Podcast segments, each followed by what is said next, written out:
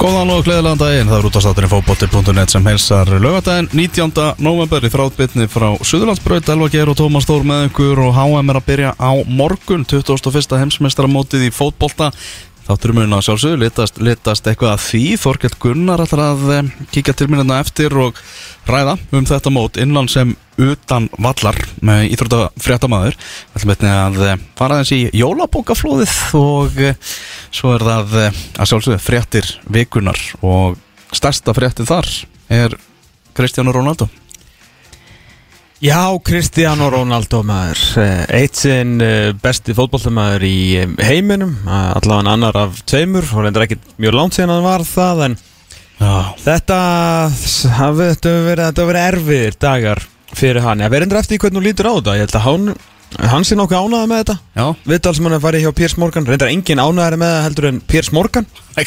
Sem að tók náttúrulega bara þessa viku og pakkaði henni saman með því að náttúrulega ná þessu viðtali og spurja nákvæmlega engra gaggrina spurninga og leifa bara Ronaldo að fróðufalla þarna í einn og halvan klukkutíma. Já, viðtal sem að Rónaldó bara pantaði sjálfur. Já, pantaði sjálfur og spurningarnar æfðar, svörin æfð og allt sem var mjög þægilegt og það var svona svolítið eins og þegar Piers Morgan tók viðtal við uh, Whitney Houston heitna hér um árið þegar eina sem að vantaði var sko að voru að tala um neslun hennar og hérna átti hérna dró kókaðin djúlinn helviti fast á eftir sér um, langar hríð svo ævintýrlega hefðileikar eitthvað líka uh, söngkona og það var svona eina sem vandaði viðtalinu var bara Piers myndi gefinni línu sko. Ah. þetta var svo meðvirt og, en það er náttúrulega þannig sem að hann hefur komist uh, svona langt uh, maðurinn er uh, þetta er svona atvinna, þetta er svona hann væri Lex Luthor í, í Superman sko. Ah. þú veist hann er ógslag klár en algjörfábjörni Já. En það hefur gert það að verkum, hann er bara eitt ríkasti fjölmjölamæður í heiminum. Nákvæmlega, sko það er, þú verður miklu ríkari sem fjölmjölamæður með svona, hérna, taktík og svona er raun og byggi fyrir einu svona eins og allir sem vinna á Fox. Þú stöður allir ógeðslega vel launuð, þú meður hver Sean Hannity, hérna, Tucker Carlson, uh, Bill O'Reilly og undan þeim, þú veist, Megan Kelly árun og hún fór sér hérna yfir hitliði bara ef þú tekur bara afstöðu og segir bara fréttinnar eins og þér er sagt að segja þær og um, vingast bara við mjög um, valda mikið og ríkt fólk og stendur bara með því og hjálpar því þegar það, hérna, það er í vanda eins og Ronaldo þarna. Já. að uh, Donald Trump á sínu tíma. Donald Piers Trump. Mor- Morgan var alveg með tungun upp í afturendanum á honum. Nákvæmlega, en þess vegna, svona verður ríkur. Þetta er leiðin, þetta er náttúrulega ekki, ekki bladamennska fyrir fimmur sko. Eh, það var líka, sástu hérna Simon Jordan pakka hann saman á Talksport? Já, ég sá það. Það var rosalegt, það, var, það er nú ekki oft sem að Simon Jordan er nú einhvers konar rödd samvinskunar og alls hérna, þessum góðs er en hann eh, kom með marga góða punta og, og, hérna, og Piers Morgan gæti ekki svarað einustu spurningu á þess að vera sagan, sagði bara alltaf þetta er bull svo að segja.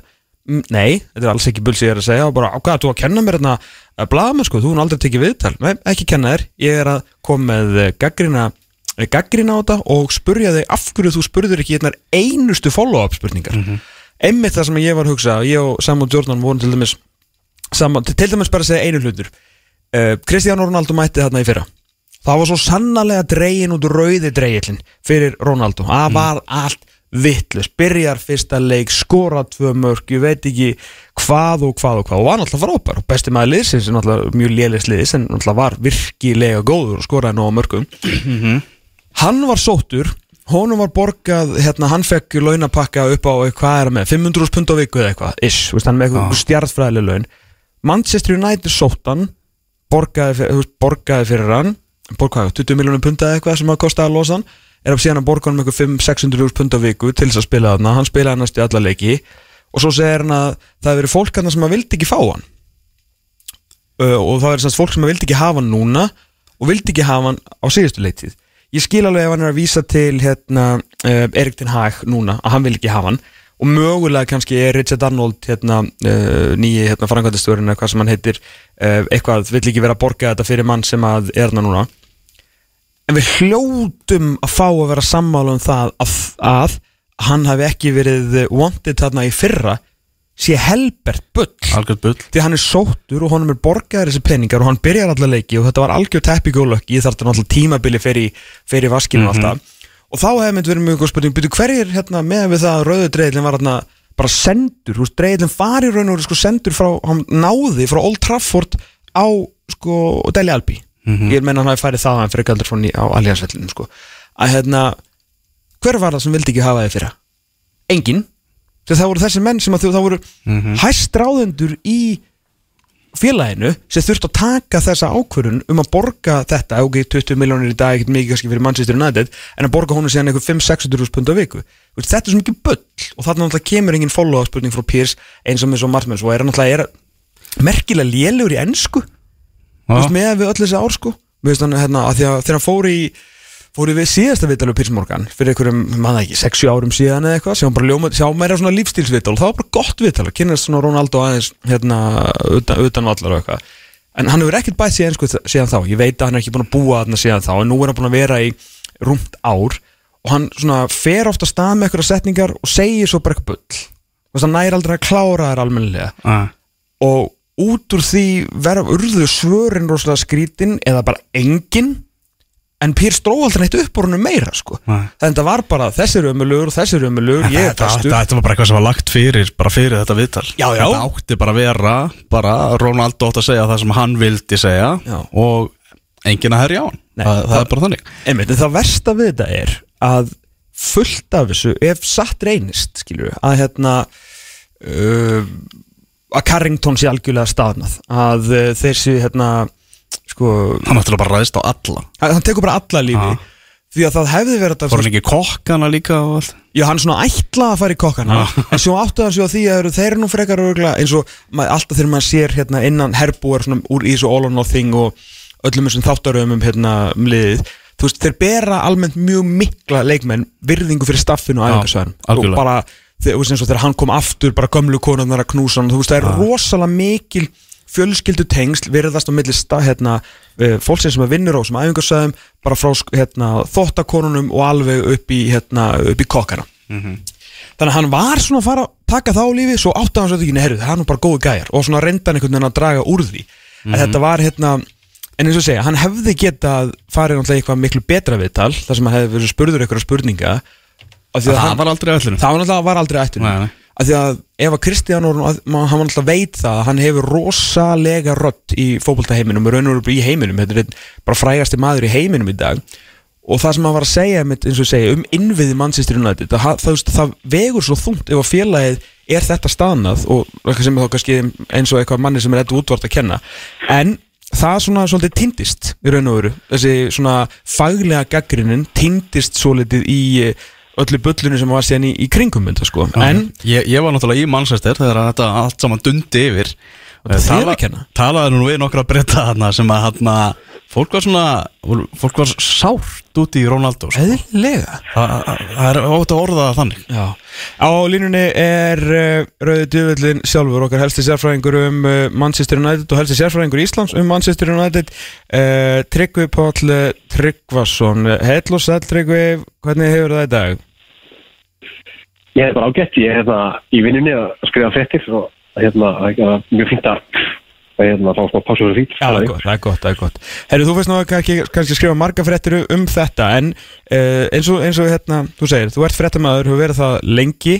Ef við tölum bara að rétta það sem ég var að tala um svona frétta hvað maður segja, svona bladamanna aspektið af þessu að þá var Piers Morgan ekki að vinna neitt Pulitzer með þessu en það enda það kannski ekki til allunin Nei, ég veit ekki, en hérna, þetta er náttúrulega það er mjög áhugaverð líka hvernig, hvernig hann gerði þetta sko. Hann tekur þetta viðtal uh, og svona droppar svona nokkrum mólum svona í aðdraðanda þess að áður byrsta viðtali sjálf þannig að hann er að vekja einhvern veginn margfatta alla aðtikli sem þetta færi þetta og þetta hefur alltaf ekki mikla aðtikli eða saman hvernig þetta var gert en hann einhvern veginn er svona virkilega að byggja undir þetta þannig að hann er, hvað svo sem hann finnst um Piers Morgan þá er hann, þá er hann alveg góður í, í, í, í þessu. Ekki nokkur spurning. Að, hérna, en þetta er náttúrulega þú veist, ég, ég er nú ágætlega minnugur sko, en þetta er ég held að þetta sé algjörlega fordæmalust viðtala, það er svona, svona stór karakter, stór leikandi hjá svona stóru félagi stýi fram og gjössalega hrauni yfir allt og alla. Ég man ekki eftir svona sambarilegu aðtiki og bara, ég, vil þó maður leitir hérna, íþrótuna sko, bara svona almennt. Sko, hver- heldur að tilgangurinn sé í raun og veru? Því að þeir náttúrulega, hérna, hann vildi fara í sumar og nú ganga sögur þess að krusa hérna, þeir eru ekki vilja sleppunum uh, allir helstu blaðamenn heimsins uh, sem hafa fylgdust með þessu segja að það er bara engin einhvern dotti í hug að taka hennar launapakka fyrir þennan dýra leikmann. Og þetta er áður en hann fyrir þetta viðtal þar sem hann náttúrulega núna heldur betur búin að brennimerkja sig sem svona erfiðan einstakling. Uh, menna ef að, ef að það eru kannski allir ef honum finnst eins og allir vilja hann fari og hann vill, að, vill fara veist, hvað er þá vandamálust af hverju þannig þá er hann að reyna bara að láta reka sig til þess að fá hérna, uppsagnar hérna, samningi eða, hvað, hvað heldur að máli sé? Já, ég meina, hann hlýtur að vera, tilgangur hlýtur einu bara að vera að koma sér burti frá þessu félagi og, og þá að reyna að geta þá verið, þú veist, einhvern veginn, þú veist, frjáls sinna mála. Greinilega hefur líka eitthvað gengið tölvört á baku tjöldin sem, sem frettist ekki út, þú veist, það er alltaf auðvitað, uh, en þess að það sé ekki alltaf lægi þegar þú neytar að koma inn á og, ímyndilegt þeirra, en það, þú veist, þeir hafa tveir félagar hann að tenna og hann hafa greinilega ekki ekki náð saman á, á neitt hátt og þú, þú ferð ekkert í svona aðgerð, þú sprengir ekki allar brýr sem átt og gerð svona kveikir í öllu með svona viðtali nema að þú sért algjörlega komin á einhverja endastöð, sko. þetta er svona last við svort myndi halda til þess að reyna að komast í burtu, en eins og segir, þá, þú veist, þá, var ekki svona, hefur ekki verið svona augljós útgönguleg fyrir það, og kannski sér á þetta tækifæri bara sem svona einhvern veginn að losna bara strax og hérna og, og eiga gott háum og þá kannski er einhver sem er tíma að taka sensin á hann sko, af því að þú veist, hann alltaf hefur viljósa hæfileika Já, en veist, en þetta er samt sko, veist, það, það er enn móli ef hann ekki bara farið viðtalið og farið aftur á markaði en núna alltaf, liði í öðruvísi, einhverju stöðu menn er að skoða hérna hvað er þurfa fyrir setnirluta tímanbilsins, kannski voru ekki að sjá hann í einhverjum eh, skamtíma skrástrík framtíðaplönum í, í sumar en er hann ekki búin að eh, setja svolítið stein í götu sinna til margar liðum það er fullt af klubumandala sem hafa lennað þessu ekkit veist, það vill ekkit félag uh, fá þetta við tala um sig Nei, ég held að við takmarka þrengt kringin alveg svakalega sko, en hann hlýtti bara að vera að það sé ykkur hann úti sem er tilbúin til að, til að taka sensin á hann, en svo líka kannski maður hugsaði að það er, þetta er alltaf, þú veist uh, þú veist, top 3, top 5 þekktast að nafn uh, á jöðinu í dag mm -hmm. uh, ég efast um að hann sé eitthvað mjög raunveruleika tengdur uh, þú veist svona í hinn svona dagstæla raunveruleika. Ég efast líka stór, stórlega um að hann sé með eitthvað menni kringu sem, sem segir mikið neyðið hann eða spyrja hvort að þetta hitt sé góð hugmynd sko. En að þú veist, ég held að kannski við getum ekki alveg verið að bera hann saman við kannski svona fákagangi á hennum eðla vennilega manni sko, þetta er eitthvað neginn þetta er, þetta er eitthvað afturráð sem sem gerist í ykkur svona hlýðarveruleika sem, sem er mjög erfitt að skilja en hún sést algjörlega eitthvað með hún að lifa þessum heimi sem hann hefur verið í allir sér Já, sko hann, hann tala mikið um að, stuðningsmennir og aðdáðundur hans, ekki haldaður hans sem stuðningsmennir skipta öllu máli og hann gera allt fyrir þá. Uh, minna, er þetta ekki, það er mitt fólki sem hann er kannski að særa hvað mest með þessu? Minna, hvernig, hvernig tókst þú þessu bara sem, sem bara eldheitur stuðningsmæður Manchester United, hvernig náðu þú að að svona greina á milli alvöru gaggrinnar og svona lesi það að það er kannski skiljanlega eitthvað að þarna en ekki gengi vel í, í langa tíma og séðan bara svona þetta almenna drull sem að væri við félagið? Ég mér fannst það fyrst og fyrst bara svona sorglegt mér fannst það já, þú veist því að bara öll þessi ár þú veist þessi þetta, þetta, fyrra tímbili sem United það er svona alltaf svona mínu viti þú veist það er stendur mjög upp úr á minni, minni, hérna, minni lífskeið sem, sem stundum á United þannig að það var mjög svona mjög metum þó að það kannski svona ekkert verið að gera mikið á þessu tímbili til þess að ífndi það. Mm -hmm. þannig að mér fannst þetta mjög svona já maður svona sár svona, hérna, og þú veist, einhvern veginn maður skildi ekki alveg svona hérna af hverju að væri að þessu saðan, hann er verið náttúrulega með björslega að sprengja alla bríf einhvern veginn uh, í þessu máli. Og sko, svo líka kannski með þessa gaggrinni á United, ég menn þetta er ekkit hann er ekki að segja neitt sem þú veist, svona henni vennilegu stundismann sem fylgst sæmilag með hefur ekki verið eh, einhverja vittneskjum, ég er búin að vera í vittalum hjá okkur, veit ekki hvað lengi tíu ár, ég held ég verður að koma inn á punkt ykkur einasta vittalum þannig að hann er ekkit hann var ekkit að segja einhverja nýja speki þarna og hann hefur verið í lofa lægi með alla þessar peninga og alla þessar ágjafa að kanna kannski stöðum mála áður en hann fór, þetta hefði ekki þurft að koma um meitt og óvart. Þú veist að hérna en hann lætir þess að þetta sé eitthvað svona eitthvað alveg nýtt að, félagi sé ekkit á jafn háum stalli og það var þegar hann var með til en það er bara algjörlega augljóst. Var það áður en hann kom á svæði þannig að þú veist þessi gegginans jújú, jú, auðvitað gott svona kannski að vekja aðtikli á þessu en, en hún er samt svolítið hól komandi úr hans munni sko að því að mann finnst hann bara að vera að nota það sem svona einhverja eina mörgum ástæð fyrir að hann er úsáttur þannig að veist ég, ég, ég, ég var ekkit var svona bara nýta sér það nýta sér það. Þá um það sér í hag sko. Og greining hérna, eða svona eina af greiningum Gary Neville um þetta er svo sko þegar ég held að vera Gary Neville og leirti með ef þetta er rangt sem er að þeirra hafi farið út í hérna, þú veist þeirra að spjalla saman eftir að hann kom lóksins til móts við liði eftir að hann var búin að gangi gegnum þetta með fjölskyldu sinni. Uh, greinlega rætt um það að hann ætti að vera svona allavega mjög nálægt byrjunarliðinu. Farin í fyrstu tvo leikina, það er algjör hörmung Eríkton Haga hefði tekið ákvörum en hann þannig að líka hugsa um lið og hugsa um hérna til hvernig hann ætlar að vinna veginn og samtvinna það með því að, að reyna að vinna eitthvað til lengri tíma og vinna í liðinu. Stóra, reysastóra ákvörðinu því verðist það að vera að taka Kristján Rónaldó úr liðinu. Uh, við nættum spilað bara ágætlega síðan, stundum bara mjög vel en bara svona ágæt held ég sé svona bara fitt ómur fyrir þessar fyrstu 14-15 leiki í deildinni. Og þarna hafi bara eitthvað farið úr sambandi hjá Rónaldó og honum finnst hann að hann svona í raun og veru það sem hann ef við leggjum gerðin eða kannski aðeins orði í munn bara Ronaldo hafi hérna, finnst hann bara svikin en vilja ekki lítið eigin bara maður liði spili verð ánans Já, það er, það er alltaf bara mjög erfitt að vera ósamal þessu því þú sér það bara hvert einn skiptir sem hann er inn á vellinum að liðið er spilar ekki ekki næstu að góða fólkvölda og hérna Uh, sérstaklega sem við erum leikið þegar það var svona svolítið komisk hvað allir leikminni voru svona að reyna aktíft að láta hann skora það gekk svo frekar ítla uh, sko ég er náttúrulega svona ég ætla ekki að reyngja þá upplifum það að hún hafi liðið eitthvað ítla með hvernig félagi tóka þessu hérna þessum hérna málum sem maður lefti í sumar með, með hérna Nei, nei, nei, nei. Uh, með batnið þessu left sko. Og það getur vel verið að hann að það komi inn í félagi á þeim tímpunkti svolítið, svolítið sára og svektur það getur líka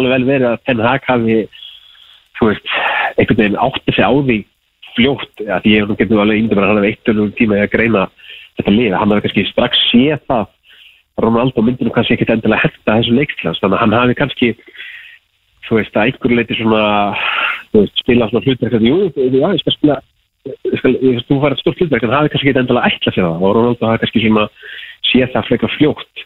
Þannig að þú veist, þannig að þú veist, þetta, gerist ekkit í einhverju svona tómarúmi, það er eitthvað sem mallar og mallar og mallar þangur til þetta springur þannig að hérna, þú veist mögulega mögulega hefur þetta ekki aldrei ætla sér að nota hann að einhverju viti þannig séð uh, ég sá hann til þess að í fyrstu leikinu hann byrjaði að nota Harry Maguire uh, jáfnveg þú hann hefur örgulega vita að hann myndi kannski ekkit endilega hætta leikstilum að sp spila hann samt þegar hann til fyrirli uh, 2 miljónum bundar maður mm -hmm. það er þá ástæði strax til það hendur um út í liðinu að að það gekk illa og hefur lítið notað hann síðan sko.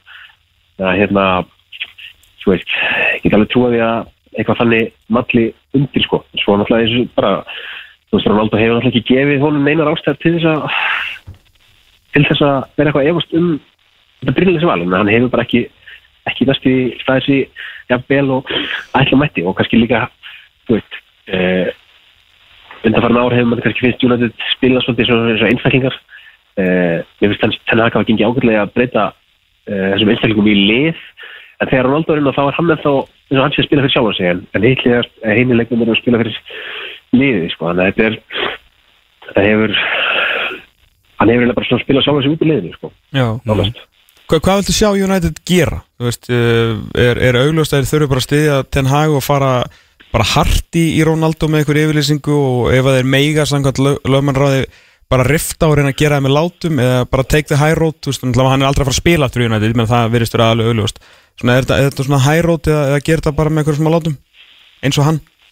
Já, sko, já, það komið frekni í gær og það ekki um að þeir var svona, já, ég mitt að leita sér hérna ráðgjafar og, og væri svona mögulega sko að það stefnum til þess að rifta þessum samning ég finnst nú, sko, vikinn það, ég held að það er svona bara ákveðin taktík það sé mjög ólíklegt að það endi í einhverju svona ljóti dómsmáli, ég held að það endi með það verður gerð einhvers konar samkomulag um að hann verður greitt út úr samlingum á þess að það verður kannski fyrir að borga alla summuna sko, þessi er eiginlega alveg auðvist að það endi einhvern veginn svona, ég ætla að fóru vera að sé eitthvað til í það að hérna láta þetta dragast eitthvað langin sérstaklega yfir HM eða eftir HM eitthvað langt. Ég held að muni það endar í eitthvað svona sátt sko, svona dómsátt sko, ég held að þá með verða ekkert sáttir e, þú veist, í hjarta sínu með þetta sko, en þá, þá ég held að það sé alveg ljóst að ég held að menn sé ekki fara í þú veist, svona grjótarar aðgerðir að hérna fara með þetta fyrir dóm.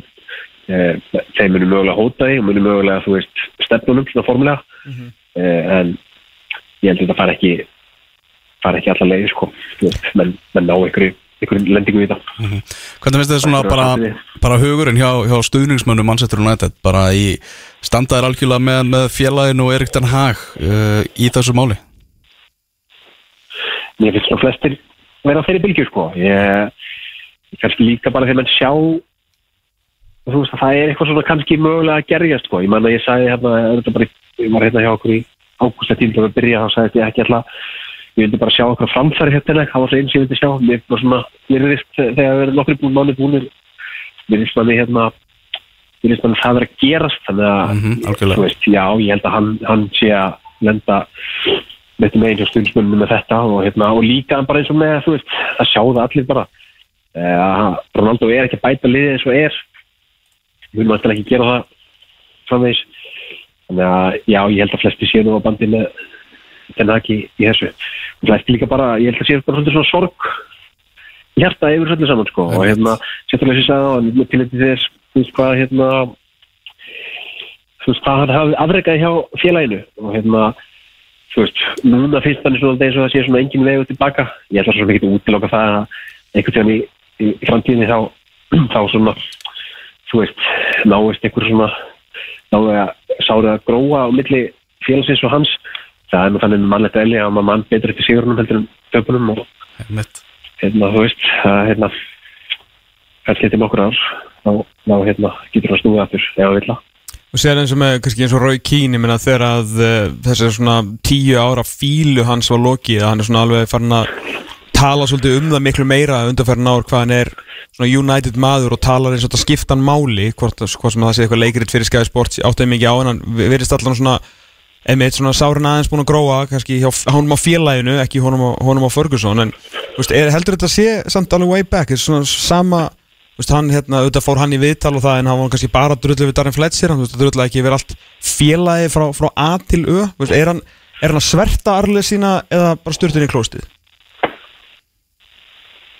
Já, hann er ég myndi segja að hann væri bara búin að styrkja með klostið sko, eins og er ég, ég ætla samt ekki útiloka það að það væri hægt að finna það í sjónum ykkur eftir nokkur ár sko, en nokkur ára tíu kannski yeah. hérna, þú veist, maður sér ekki leiðin tilbaka og það er svona að þetta er svo þetta er svo þetta er svo, þetta er svo afdegjaritt skref að mæti viðtal hrauna bara yfir allt og alla. Uh, veist, svo, þetta er svo þetta er bara svo ljótt. Einmitt, það er bara svo mikið. Þetta er bara svo ljótt það er hérna Mm. það er bara kannski eitt viðbútt og það sem náttúrulega er það sem er jákvæmt við þetta er að, er að þú veist það er náttúrulega bara einn maður sem er að koma út til sigur hérna og það er, er ekkert þeim haka hann er að koma rosalega vel út úr því hvernig hann hefur höndlað þetta mál bara frá byrjun allavega minnst kosti ofnberlega sko. Mhm. þú veist bæði bara hvernig þegar hann neitaði að koma inn á hann í daginn og, og hérna þannig að hann er að koma núna, hann er búin að sína hinleikmannum, hans sem ræður, hann er búin að sína stjórnumni veist, og verið þegar fá tröstu stjórnum sem ráða hann hann, er, hann stendur tölvöld sterkari eftir þetta, eftir þessa hérna, eftir þessa rimmu við Ronaldo Já, það verður alltaf meira lítið fróðald að sjá hvað verður svona á, á næstu dögum en hann kannski reynda að vera svolítið upptekinn næstu dag og vikur á, á HM en Tryggból Tryggvason, Rauðdöflandir.is Takk hjálpa fyrir spjallið að að vanda, gaman að heyri þér. Takk sem leys Það er held ég. Að hvað heldur þú að Ronaldo spili eftir áramót? Inter Miami. Hendur Miami, já. Nú hann er búin að segja það, ef að Portugal vinnur HM þá ætlar hann bara að leggja skóna á hilluna Já, það var náttúrulega, veist, er eiginlega eina vitið. Ég hann- veit hann á meira eftir en það er náttúrulega alvöru mic drop sko. Já, en ef þau myndu, það er bara Ronaldo verður bara geggjaður á HM bara verður markakongur á mótinu eða eitthvað mm. Portugal fyrir lánt, vinnur ekki. Undanúslit og hann er marka, þú veist, með kannski 6 mörg og 3 stóðsningar það, Og bara á bestur í já, liðinu. já. Þá eru að hugsa, fara þau ekki að funda hérna, þú veist, PSG og þessi svona stóru félög í Evrópu sem hafa eitthvað svona lið sem er ekki jafnvel að því að mér finnst rosa mikið bæinn svona talað um það. Já, en mér finnst það bara einhvern veginn síðasta félagið á, uh, í Európu sem myndi nokkuð tímann taka. Já. bara eftir að hérna, horta á bæinn seríuna á Prime og svona einhvern veginn með hvernig þeir reka þetta. Hvað er, passa upp á peningi sinn, þeir eiga nóga peningum en þeir passa samt vel upp á hann og fóru ill út úr COVID. Um, kannski ég veit það ekki, myndi þeir taka heldur þú að bæinn myndi taka hann þó að myndi bara vera tilbúin að mæta á 100 eurur á viku eða eitthvað nei. Ég, ég bara sé það ekki. Nei, ég sé það ekki. En, en, PS, en þú veist, og síðan að PSG er ekki nógu mikið vandræði hérna með Messi og Neymar? Nei, Messi, jú, Messi og Neymar og, Og Mbappe. Skilur, þú veist, þetta er alveg nógu erfitt að halda þeim þreymur að þegar Ronaldo kemur, þá þarf einn af þeim þreymur frá bekkin, sko. Hvað ætlar að gera þá? En þegar PSG vill fá eitthvað þá bara láta það vaða. Já, já, og svo bara þjálfarinn að díla við það og svo Já, bara reikin Þannig gengur þetta fyrir sér hjá þessu félagi Sko, hann hefði, hann hefði, hvað maður að segja ykkur svona ofurmönnum að hvað er að gera? Það hefði verið mjög fallegt ef hann hefði farið til sporting bara í sumar. Já, og hérna, verið í Portugal að spila veist, hann er allt og góður fyrir þá deild ég veit ekki um það og kannski á hann hérna, skilið betur leið, en ef hann hefði bara verið að spila í Portugal fyrir sinn hérna, ekki uppeldisklúb en fyrsta atvinnumannaklúbi sinn Mhm. Um, þeir eru örugglega farið upp úr riðlunum í meistaratildinu já Voru það nálátt í núna? Hann hefði verið gríðalum tengslu við þjóðina þeir mættin á HM náttúrulega Portugal er ekki geta raskat á HM Nei. Hann, hann hefur náttúrulega verið frábær á EM en, hérna, og svo sem hann hefur verið góður á HM Portugal á HM í hans uh, leikmanna, á hans leikmannaferðli bara algjör vombriði þannig að það, hefur verið svona það hefur verið rosalega fallið að sagða en uh, ég, hérna, ég held að hann færi ekki til ég sé hann ekki Arbíu þetta er bara eiginlega ofstór profil fyrir Arbíu sko. En uh, Inter Miami svona, ég veit að það er svona ekki, veist, svona latínó umhverfi uh, þú veist, Beckham hætti að búa til nóga peningum út úr þessu. Ég, ég, veist, ég sé það alveg sko. Þá Já. fara hann líka smá prís í svona þegar þeir byrja sinni í mars. Já, og svo er hann bara greinilega, hann og fjölskylda hans farin að, og fólki í kringum hann farin að byrja að hugsa um það hvernig hann á að framlega peninga í framtíðinni. Eins og við sjáum bara með konuna hans og Netflix-seríuna og, og það já, já, ég held að hann hafi nú um að gera að fara til Miami og, og, og krydda þá aðeins ofan á það já, það var hérna stækka prófílinn ég vildi ég ætti jafn margar miljónir á banka og ég er með hérna uh, á face, nei, á hérna followers á Instagram Aha. sást ekki þá spurningu það? Á, hjá Pírs? já, Já, jú, ég sá það more money in the bank or more Instagram followers. Hvort er meira? Það er eitthvað svipað. Ah, ok. Nei, more pounds in the bank, já. Nei, nei, hann þarf ekki að hafa neinar ágjur sem að, hérna, enginn sem honum tengist. En það hefur á svo sem ekkert annað að hann skilið fyrir þennan ævintýrlega fyrir, sko. Nei, það er þannig. Herðu, að venda okkur í fréttir vikunar Ég hví ekki? Hví ekki það? Förum aðeins yfir, í, yfir til Íslands, hérna heim uh, í bestu deltina Sindri Kristinn komin í FH mm -hmm. Var svona virk, virkaði eins og það væri alveg pottitt mál hann væri að fara að yfirgefa Keflavík bara spurning hvert hann færi. Og uh, F-fóingar standa uppi með, með um, Sindra Kristi núna í rammanum hjá sér þannig að hann verður aðalmarkurður á, á næsta tímabili hjá í kriganum það var svolítið skrítið að sjá hann spila með öðru félagi. Já, náttúrulega góða fréttnar eru að FH náttúrulega spilar í varabúningu kefla ykkur Já, Þannig að það er verður bara svona held ég þægilegt Allan á úti leikjum, sko Að hérna er þetta ekki bara frábær löst fyrir FH sem búið að vera í brasi með sín markvæða mál? Nei sko, þetta er, þetta er miklu meira heldur en frábærlöst Því að uh, þetta er svona félagaskipti sem að Sindri Kristinn er það góðu markmaður Búin að vera topp 2, topp 3 markvörur hér uh, Já, topp 3 myndi ég segja síðustu tvö tíumbilin Og þetta er í raun og veru það stór prófíl að meða við uh, Vesald FH undanfærin tvö ár og þá sérstaklega síðasta tíumbil Þá er þetta gæði sem ætti að vera fara núna að standa í markinu hjá Víkingi Val eða, eða breyðabliki sko. En það, svo staðið er bara upptekinn þar Þannig að FH nýtur góðs að því og þetta er bara brjála gott pick-up. Uh, ekki bara því að hann er bara flottu karakter uh, verður hérna heima, veist, hann er ekkert alveg en atvinnumensku og er bara ógeðslega góðum í marki.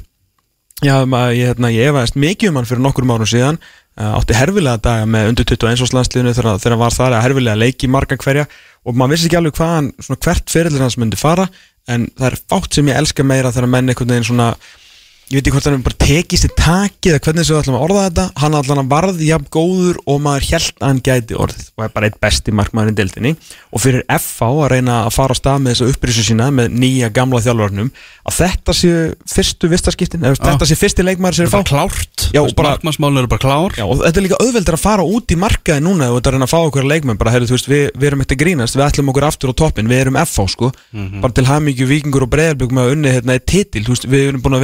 við, við erum við á við erum til að við erum að vinna? Eh, á- hvað erum búin að vinna, einhver 14 stóra titla á þessari öld. Þetta er volað krútlegt hjá þessum liðum en við ætlum aftur á toppin og ef þau eru eitthvað efast um okkur, erum við komin með Sindra í markið, sko.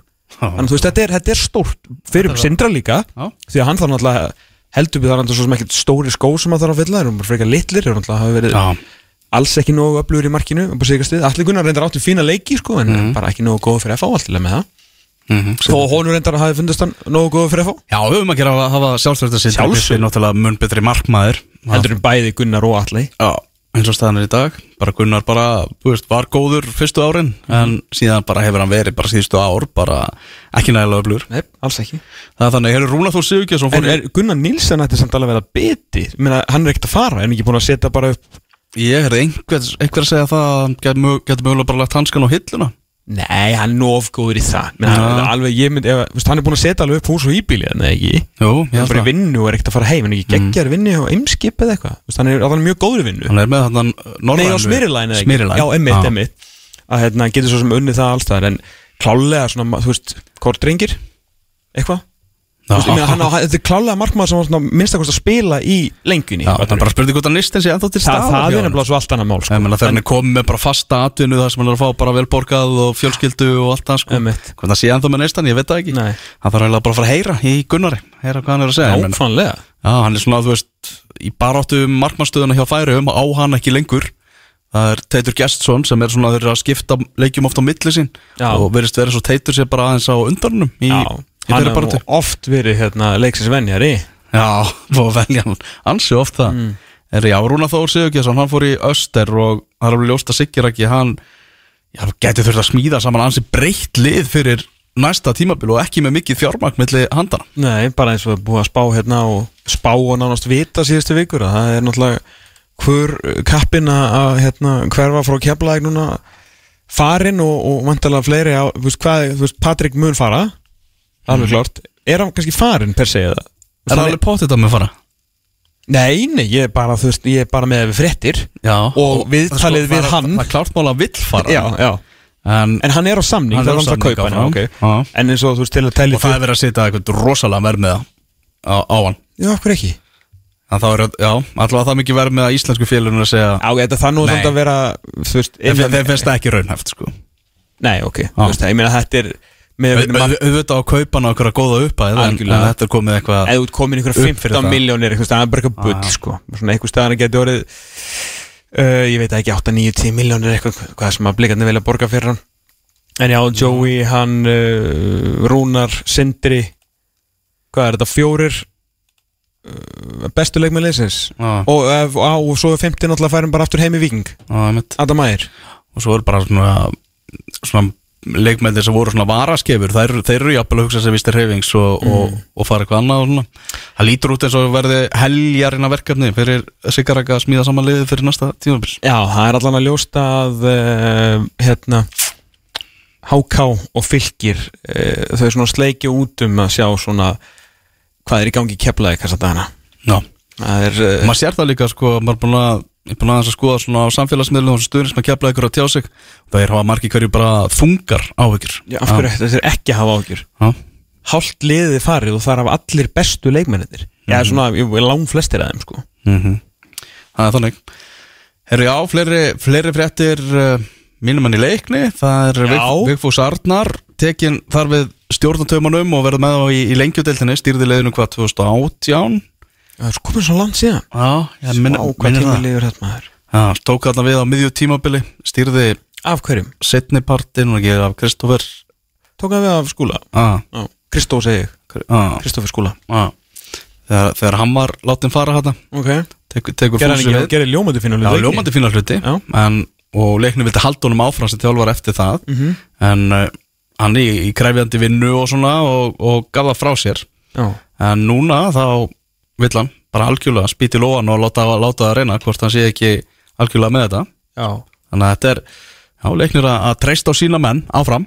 Algjörlega, náttúrulega eh, hérna, búin að þekkja fúsa mjög lengi en það er ekki tala við hann í svona 10-12 ára en hérna, við hérna, vorum nú saman í, í æskunni. í Counter-Strike klani á, á, á sínum tíma og hérna, e, já, þekkja hann þekkja hann ágætlega og, hérna, besta vinnans mjög vel. Þannig að eh, veit svona cirka bótt hvað mann, hann hefur að geima og þá við töluðum auðvitað þú um, auðvitað mikið verið að fara svona yfir hvernig þetta uh, svona taktík í Dust 2 og, og núk og svona þá rættu nú líka mikið fótbolta inn á milli þráttur hann gætt gert með alveg brjálaðan sín tíma en svona, hann er gamla skólanum af hérna, hann er með gamla góða vikingshatrið í sér uh, sem mjög skrítið þess að við erum jafn gamlir og það fór nú, en ekki 84 eða?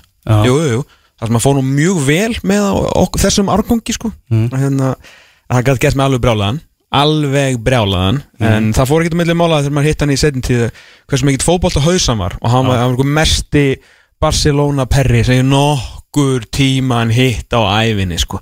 hann bara hann veið, bara að heyra hann tala um tiki taka hjá Barcelona á sínum tíma sko, hann var bara, hann var álíka leðild að hlusta og horfa á tiki taka sko. en nei, hann er mikill fótbolta hugsuður og það fór ekkert að milli mála þegar hann tók við leiknisliðin á sínum tíma að hann veit hann er með eitthvað pælingar, veit nákvæmlega hvað hann ætlar að gera. Árangurinn talaði sínum máli þá. Mm -hmm. og fögnum við ekki alltaf að fá nýja mennin í flóruna? Jú, alveg, jú, alveg klálega Meina, eh, þetta, er, þetta er mjög spennandi sko. Hvað, við, við hvað vinnur hann aftur? Hann er einhverju, einhverju megajob eða ekki? að þetta er eitthvað verkfræði, dót eitthvað, Já, heimur þarf ekki fleiri verkfræðinga. En bestadeldi þarf fleiri nýja þjálfara sko. þannig að ég fagnar þessu mjög. Já, alveg fróð að sjá hvað, hvað gerir með leikni í, í lengjutildinni þó ég ætli samt að lýsa yfir stórkostlegum vombriðum með það að leiknir hef ekki ráðið að Púrisevits Já, erum við ekki að fara að fá Eyjúb aftur í mestrarflokksstjálfun? ég, ég veit ekki, er eitthvað annar lið sem vantar? Grinda ekki búið, leiknir farið? Næ, ég held að það sé bara allt komið sko. Nei, kórtrengir kortringir, Já, ég sé það ekki gerast nei, reyndar ekki. Heyrðu þið hérna úrslita leikurinn í Eistra Salts byggarnum Hvorki meirinni minna, hann verður klukkan tvö í dag Ég skal segja ykkur það. Fólk búið að stilla vekjara klukkunar Já, fólk er að stilla klukkurnar. Byrjunlega Íslands. Hvað er búið að tilkynna? Nú, Patrik Sigurður Gunnarsson er í markinu. Patti? Já, Elias Rafn- Elias Rafn Ólafsson á bekknum. Þannig að það var búist til því að hvað Elias er Rúna farin heim með? Já, ok, Rúnar og Jóndagur Rúnar Alex og Jóndagur eru farnir. Taka ekki þátt í sendilegnum ok. Uh, Alfons Samstedt Davík Kristján Ólafsson Ísak Bergmann Jóhannesson Sveitn Áron Guðjónsson Arnúr Sigursson Daniel Leo Gretarsson Aron Eli Strandarsson Stefán Teitur Þórðarsson Mikael Andersson og um, Hákon Arnar Haraldsson er byrjunalið Íslands. Já, þú last þetta ekki upp taktist. Nei, KSI stillir þessu ekki upp taktist. Miðverður eru Daniel og Í eh, blá, Já, það er mjög góð spurning. Það ekki, vant ekki annað miðverð Jú, það er eiginlega þannig. Það er Aron Elis í miðverði Er Aron Elís að fara að spila hjarta varðarinnar? Teldu fyndu þrjá miðumenn sem eru ekki Aron Elis Já, það er hérna Stefán Teitur. Já, Hann er hérna já, Svo erum við með uh, Þetta er eitthvað fyndið. Ísak Bergmann, já. Hann er hérna mm Og svo er spurningin með Sko Hákon, Mikael Andersson eða ekki, Hákon, Svenni og Arnór eru þrý fremstir. Já, Aron er vantilega miðverði í dag.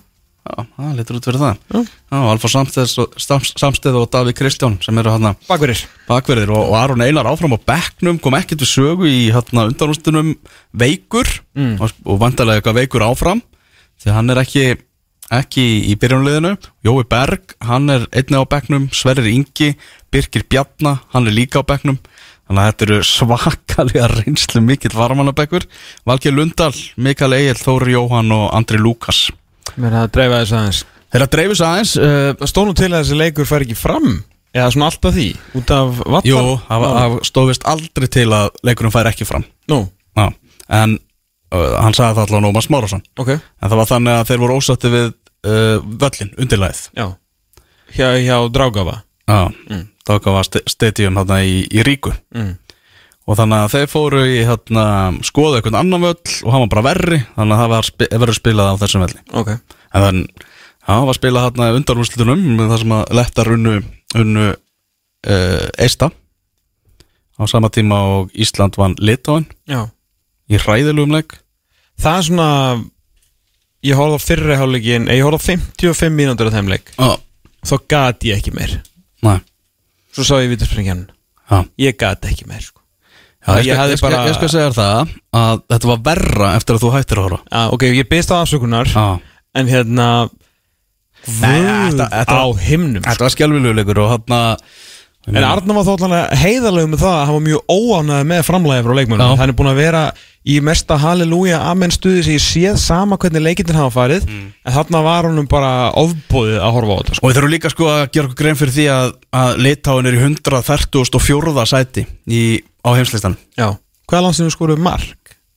Það er talsveit síðan Já.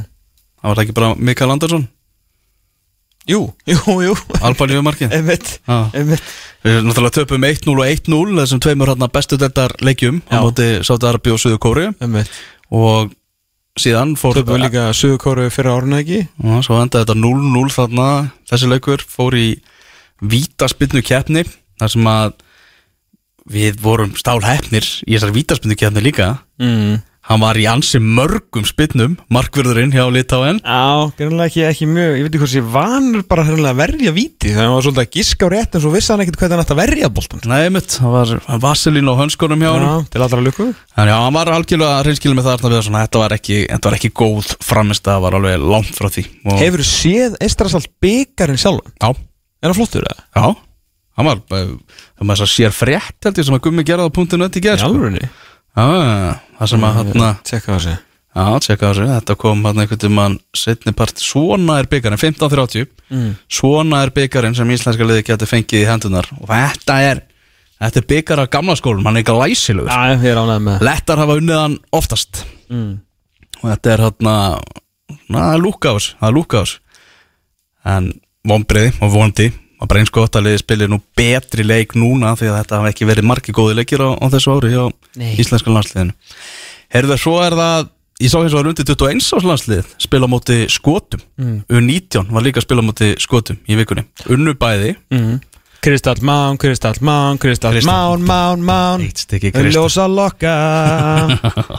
Það er fyrir að koma núna kynnslóðaskipti hjá, hjá U21 og ný kynnslóð að koma upp í þetta.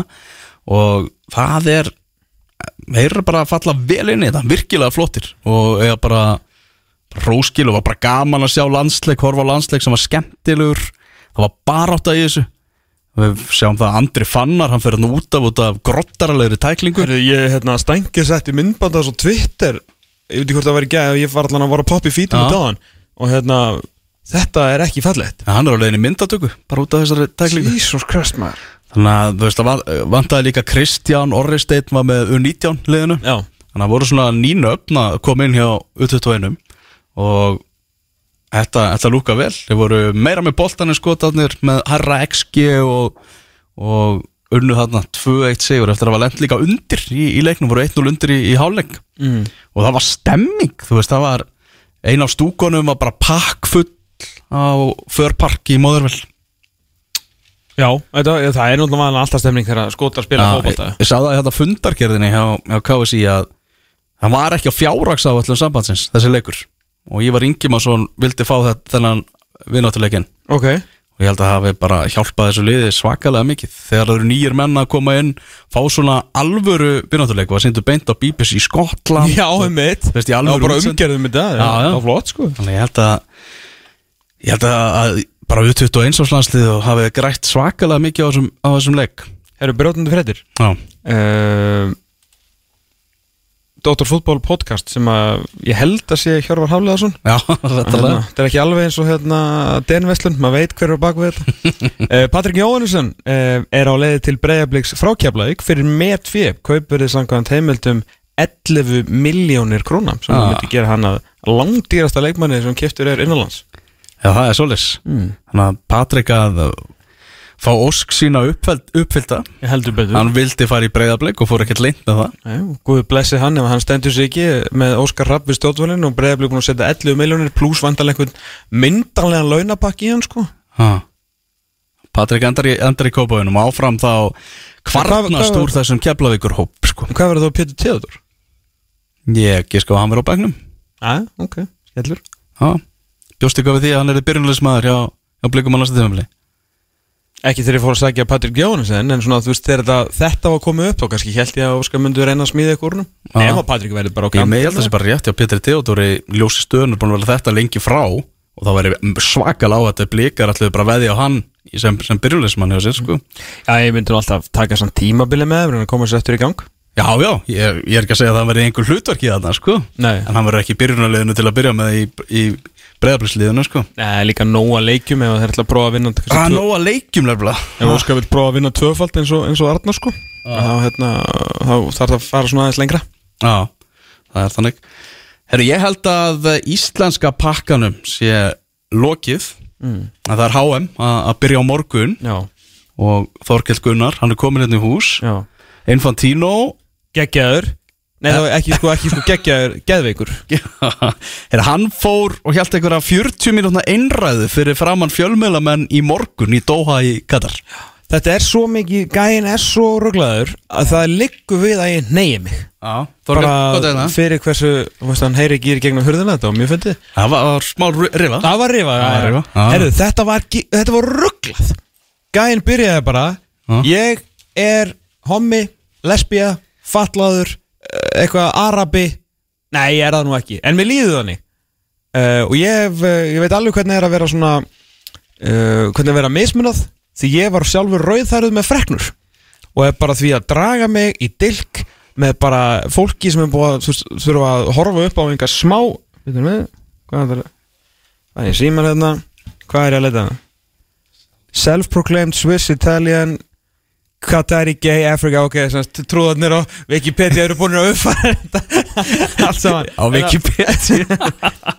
Nei, heyrðu, þetta er náttúrulega ekki lægi Maðurinn er komin í eitthvað almesta fuck it mode sem ég hef bara séð á æfinni sko. Hann ætla bara að taka þetta heimsmeistara mót og allt þarna það slæma sem að býra baki uh, hvernig þetta varð hvernig þetta fór til Katar, hvernig búið að fara með verkamænina uh, 6500 týndu lífin af þessum verkamönnum sem að komu þarna til þess að reyna að afla ykkur að tekna fyrir fjölskyldur sínar í, í fátækjari löndum eins og Nepal.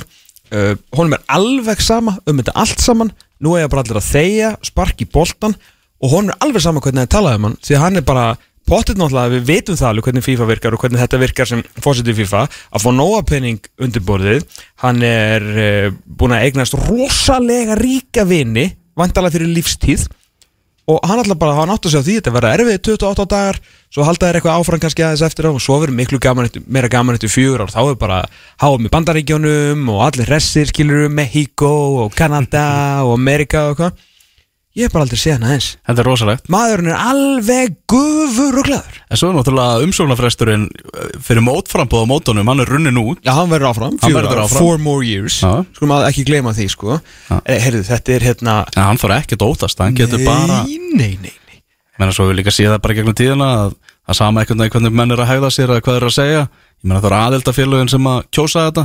Mhm. og ef að þau eru bara sátt með, með sitt eigið raskat þá bara, þá færðu atkvæði bara hvernig hann er að tala um þess og svo var líka alveg er við sem hérna, vesturlandabúar eigum að skammast okkar.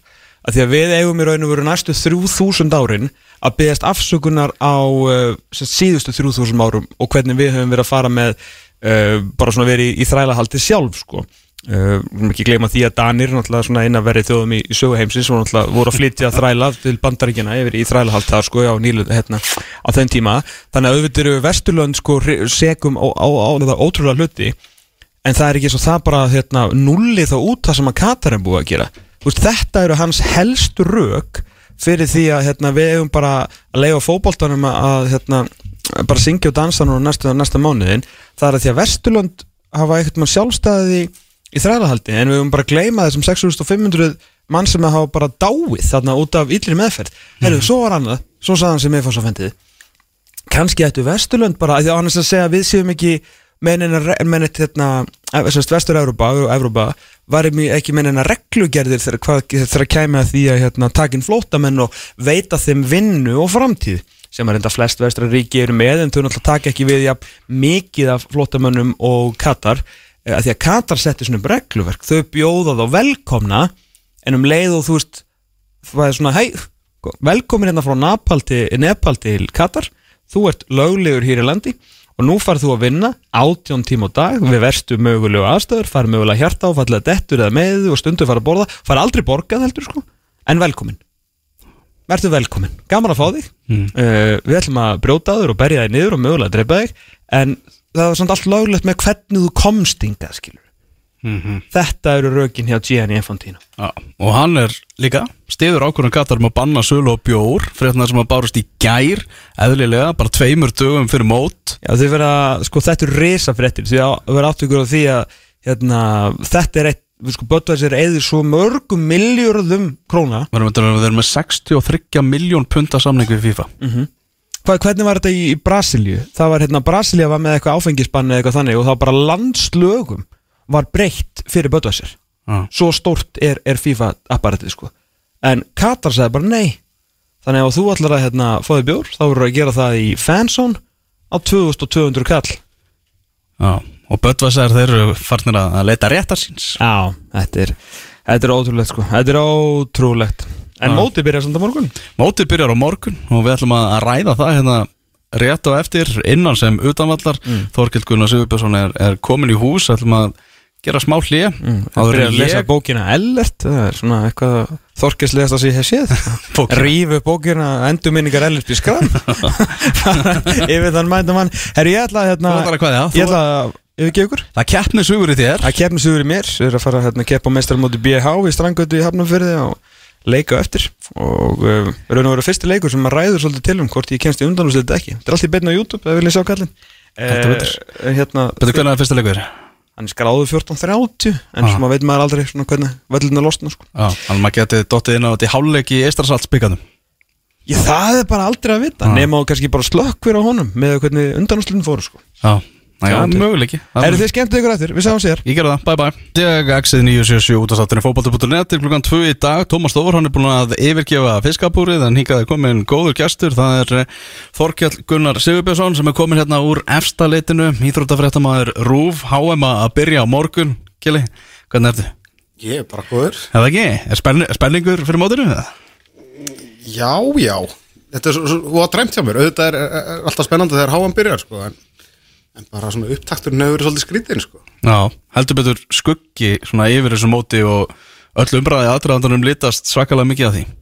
Já, já, ekki spurning. En þú veist, á sama tíma þá er ég náttúrulega að- vinna á staðnum það sem að sjónvasetturinn er og það er ekki, þú veist það er eftir alltaf að fara að tala niður vöruna þeirna en það er háum í fótbolta náttúrulega bara ykkur flottasta íþrótta vara sem sýningaréttur eða sem, sjónvarp sem að þú hefur og það er náttúrulega þú, veist, þú getur ekkert verið að tala það niður eiginlega sama hvað en, en það er í rauninni bara þessar utanakomandi aðstæður eins og þið hefðu náttúrulega verið að tala hérna um sem að rauninni gera þetta svona já, svona kannski ekki sama stemmingin yfir þessu og oft áður, en svo reyndar held ég bara, bara svona mánda þriðdag þegar mótið verið komið í ganga, þá held ég að flestir verið nú bara að horfa alla leikina og voða spenntir sko. Já, ég segi að mitt þarna Stefán Pálsson var viðtali á Gaupa í gær og þá var hann um þetta að tala um það um leið og hann var búið að flauta þetta á þá, þá teldi hann það að þetta myndi svona detta aðeins niður þessi, þessi umræða. Já, ég held, að, ég held að það sé bara svona nokkuð rétt mat, hún mun samt alveg vera áfram, ég held að það sé ekki spurning og ég held að sé alveg öruglega einhverjir sem eru núna búin að tala tegubarkalega á Facebook að þeir ætli bara sniðganga mótið, ætli ekki að horfa á það, veist, það verður alveg potið þannig að það verður einhverju þannig en, en svo held ég sé líka bara rosa margir sem að segja þetta en, en mun ekki standa við það og, og líka ákveðir hæstnið sama fólk kannski og er að keira um á, á testlum frá Elon Musk eða Einmitt. eða er með eitthvað þú veist, snjálsíma sem eru uh, gerðir af einhverju þrælum eitthvað staðar í Indonésiu eða, eða hvar, hvar sem er í heiminu sko. þannig að það er voða auðvelt að segja A en, en, en gera svo B sko. Já, En það verður vantilega einhverjir fjölmjölamenn sem að fara þarna svona gaggjart eða í þeim tilgangi að reyna að fylgjast aðeins meira með því sem er að gera svona bak við tjöldin og, og reyna að sína eitthvað frá þessum aðbúnaði verkamanna og þeirra sem eru búin að vera, vera að vinna hana en það er hægara sagt en gert að, að, að gera það. Ég held að það sé bara mjög örfitt ég held meiri segja að ef þú ferð þarna sem íþróttafréttamaður að þá þurfur bara að skrifa undir eitthvað plagg að þú sért bara frá fjallum fótbolta og sért bara að snúa kamerunni í áttina því sko. þannig að ég held að þú getur það nú eiginlega ekki. Og ef þú ætlar að fara þarna sem almennu fréttamaður þá er það örgulega erfiðara svona hægar um vika að fara í það og þess fyrir utan hefur þú nærði eitthvað laumaður út úr lúpinni og ætlar að fara að mynda einhver, einhver verkamannabúður sem örgulega búið að reynsa það er svolítið svona núna upp á síðkastið. Mm og síndi ég að Kastljósin í gær það var hann viðtal við norskan fjölmjölamann sem að var bara hreinlega handtekinn í Katar fyrir þessu ári. Já, var við talum við Halvor Egland í gær. Já. Við Tom og Edda séu hittum hann einmitt út í út í Oslo núna í vor. Það er einmitt svona mögnu lýsinga á því líka hvernig hann er veist, búin að taka allt efni sitt þegar þeir þarna taka hann fastan og, og, og myndatökumanninn og voru náttúrulega með alla dagskrána því að hann þurfti að fá til skilin öllum tilskildur leifum til þess að komast til Katar í einhverja fréttafæri þarna fyrir árið síðan. Þannig að það var alveg fylst með öllu og hann sagði að hann var alveg samfæður um að það var búið að googla hann alveg í drastl og það var alveg búið að sjá það að hann var mjög gaggrininn á allt í Katar. En að enda báður eiginlega fyrst um ok, við gefum NRK leifi til að koma en, en það væri búið gott að fá einhvern annan fréttamann til að koma. Því að það var svo svolítið búið að lesa í, í halvor þarna en svo bara taka allt efni sitt og svo bara er allt tekið aðum þegar þeir eru að leiðin út á flugöld og það er náttúrulega, svo tímasetning er e, það, hún er ekki tilviljun sko mm -hmm. en svo voru þarna í fangelsi í, hvað var þetta ekki bara næstu heil sólarhingur eða eitthvað og e, það var passa rosa vel upp á það veit ég að þetta læki ekki í pressuna af því að þá hefði verið miklu erfið að leysa það úr haldi af því að þetta var rauninu bara hernaða lindamál hérna í Noregi að það var bara að vera að setja ykkur að diplomata í að vera að losa það úr fangelsi ah. og ég veit að Verdens Gang uh, lá á fréttinni bara fyrir vini sína, bara mannúðar ástæðum kollega sína á NRK þar til að flugvelin með þá var síðan komin út úr katarskri landhelgi og þá byrþur hana, voru búin að liggja á henni í eitthvað klukkutíma bara til þess að eðlega ekki fyrir að, að, að þeir sætu fastir í fangilsinu áfram mm -hmm. en hann skrifar hérna undir eitthvað, eitthvað plagg þegar hann fyrir úr fangilsinu á arabísku. Og hann vissi náttúrulega ekki undir hvað hann var að skrifa hann, hann er allavega ekki að fara á móti núna en það er, alveg mögulegt að hann hefði skrifað undir það að hann muni bara aldrei stíga að fæta aftur á katarska grundu. Já, nú hefur maður komið að það, ég hef komið að það tvísvart til, Katar og þetta er náttúrulega menningin þarna er svo ótrúlega langt frá því sem maður á að, á að þekkja og sem við höfum að þekkja bara hérna á, á vestrænum löndum. Að það það er svona, þeirra skilningur á öllu er allt öðruvísi. Hvað var það bara, bara nánast allt, allt lífið? Eins og við sjáum bara, ég menna þeir eru jafnmarkir eiginlega á Íslandingar, Katarar. Eins og það er mjög fleiri sem að búa þarna því að þeir þurfa að hafa allt þetta umstangi í, í kringu sig og það er bara fólk að vinna vinnunar, henn hefðbunni Katar er ekkit í, í vinnu. En þeir fá bara millifært frá oljusjónum í hverju Já. mánuði, bara ef þú ert fættur sem hreinrættar Katari þá bara græður á, færða að njóta oljuauðlindana og, og það er kannski erfitt að setja sig í þau spora ef að þú ert bara vanur því að þú ekki að gera handtak átt ógeðslega mikið af peningum og, og, og ræður bara fólk í vinnu fyrir það að gera hvað sem er að þá kannski er og auðvelt að þetta að svona missa sjónar á eða þú veist, hafa ekki alveg sömu sína á lífið og, og, og þeir sem eru svona í meira bröðstriti sko. raunveruleikin þeirra er eitthvað eins og allt öðruvísi, svo brenglaður frá, frá okkar sko. Já, og, og það er bara normið að- að að maðurinn á konuna sína, hann bara á Einmitt. hana en það ég man að ég, þegar ég fór til Katar 2015 að hafa mig handbólta ég svona stökk svona inn í liftu á síðustu stundu á hótelinu. Og, og hérna, þá var fjölskylda, katursk fjölskylda inn í liftinu, ég bara, na, haldið í liftinu og hleyp inn í hana sko. Og þar var ég að gera konunni mikið nóleika því að hún má helst ekkit verið inn í sama rými og, ah. og einhver annar maður sko, þannig að að hún, hún döðskammaði sín og ég svona fattaði eftir að herri, já, ok, ég er kannski ekki að riðjast aftur inn í liftu þar sem, að, sem er bara katur skona í, í fullum herskrúða með mannu sínum og barnir. mm Man, maður heyrir það líka svona veist að mörg gaggrinni hjá, hjá frá vesturlandabúum í garðisa móts kemur einhvern veginn svona katurum bara svolítið á óvart bara einhvern veginn út af því að þeirra reynurlega gera allt annar heldur en okkar Já, og þetta náttúrulega, þetta hefur snúist algjörlega í höndunum að þeir náttúrulega eru að fá þetta mót til sinna á sinn tíma eða bara kaupa á það, skulum bara kalla þetta réttum nöfnum Ha. til þess að sína fram á það hvað þeir eru orðnir þróaðir, hvað þetta er flott ríki og, og, og hvað þeir bara eru flottir, þeir eru bara reyna að koma sér á kortið en svo bara snýst það algjörlega höndunum að þeim og, og, gerði það náttúrulega bara mjög snemma en, en þetta er svona kannski kannski núna bara að því að þetta er að bresta á að þá er þetta miklu meira í umræðinni en ég minna það eru 12 ár síðan móturinn var útlitað til Katar, það er ekki eins og þetta hafi bara gerst í síðasta. Nei. En svo er þetta líka að fótbolta áhugin og fótbolta hefðin er bara ekki til staðar í þessu landi. Það þarf að byggja alla leikvangan annars frá grunni það er að mæta eitthvað hundrað manns kannski á leiki í deildinni. Það eru bara tómar, tómar stúkur. Þetta er, þetta er bara eitt skrýtnasta stórmót sem maður hefur bara augum litið. Heldur að verði samt ekki auðveldur að fá heimamenna það lítur að vera meira aðdraftarafla að fara á leik með, með Messi og, og Ronaldo og Mbappe heldur en bara með einhverjum no-names í, í, í Katar. Það hlýtur að vera. Meina, og allt í landinu hefur náttúrulega snúist um þetta HM-mót Já, öll þessi mót sem hafa verið á síðust árum hafa verið HM í sundi, frjálsum handbolta og bara uh, nefndu það mm. Það er búin að halda allar íþróttakjarni Já, þetta er bæði náttúrulega til þess að koma sér ennþá betur á kortið en líka náttúrulega ákveðin pröfumót fyrir stóra, stóra mótið sem er núna hafa mjög fótbolta. Þannig eru svolítið bara svona að taka test, þetta þarf að byggja ykkur hallir og, og, og halda frjálsýrsta leikvagnum góðum og allt það en, en þannig fyrst og fremst verið svona að, að, bara búin að vera markvist í pröfukyslu bara núna í 12 ár fyrir þetta mót með því að halda þessi mót. En svo hugur maður, þú veist, þannig að fór maður bæði á EM og, og séðan HM 2018, þar sem að náttúrulega maður var að ferðast milli ykkur að borga og náttúrulega langar vega lengtir á milli valla sérstaklega í Rúslandi þar sem að maður var að koma í nýja borgir þá og allt innu, nei, hann eru stöðningsmenn þessalis og stöðningsmenn þessalis, þeir eru hérna þeir voru að keppa hérna í gær í Katar, í Doha, þar sem að bara mótið er basically haldið allt saman það var náttúrulega allir þessir uh, stuðningsmenn á sama stað og það hlýtur á að vera þetta bjórban sem allt í einu er sett á í gær að menn hafi hugsað bara, heyrðu, þetta gæti enda bara í einhverju katastróf ef við erum að fara að bjóða upp að bjóra á völlunum líka sko. Já, og með allar þessar 32 þjóðistunum frá þeim öllum á sama blettinum. Já, já, þeir eru allir í sama fansóninu bara yfir allan tíman En má ekki selja bjóri í fansónun? Er þetta ekki bara á völlunum? Jú, það er en- ennþá fansón þar sem að má hérna, selja bjór en hvað er hann, 2000 krónur um það bil, rúmar. Hvað er það mörg ríal? Já, það er góð spurning. Svo erum við eitthvað svona afeitrun á stöðvar eitthvað afeitrun á tjöld það er náttúrulega banna samkvæmt lögum að vera drukkin á almanna færi í, í Doha. Þannig getur bara verið handtekinn.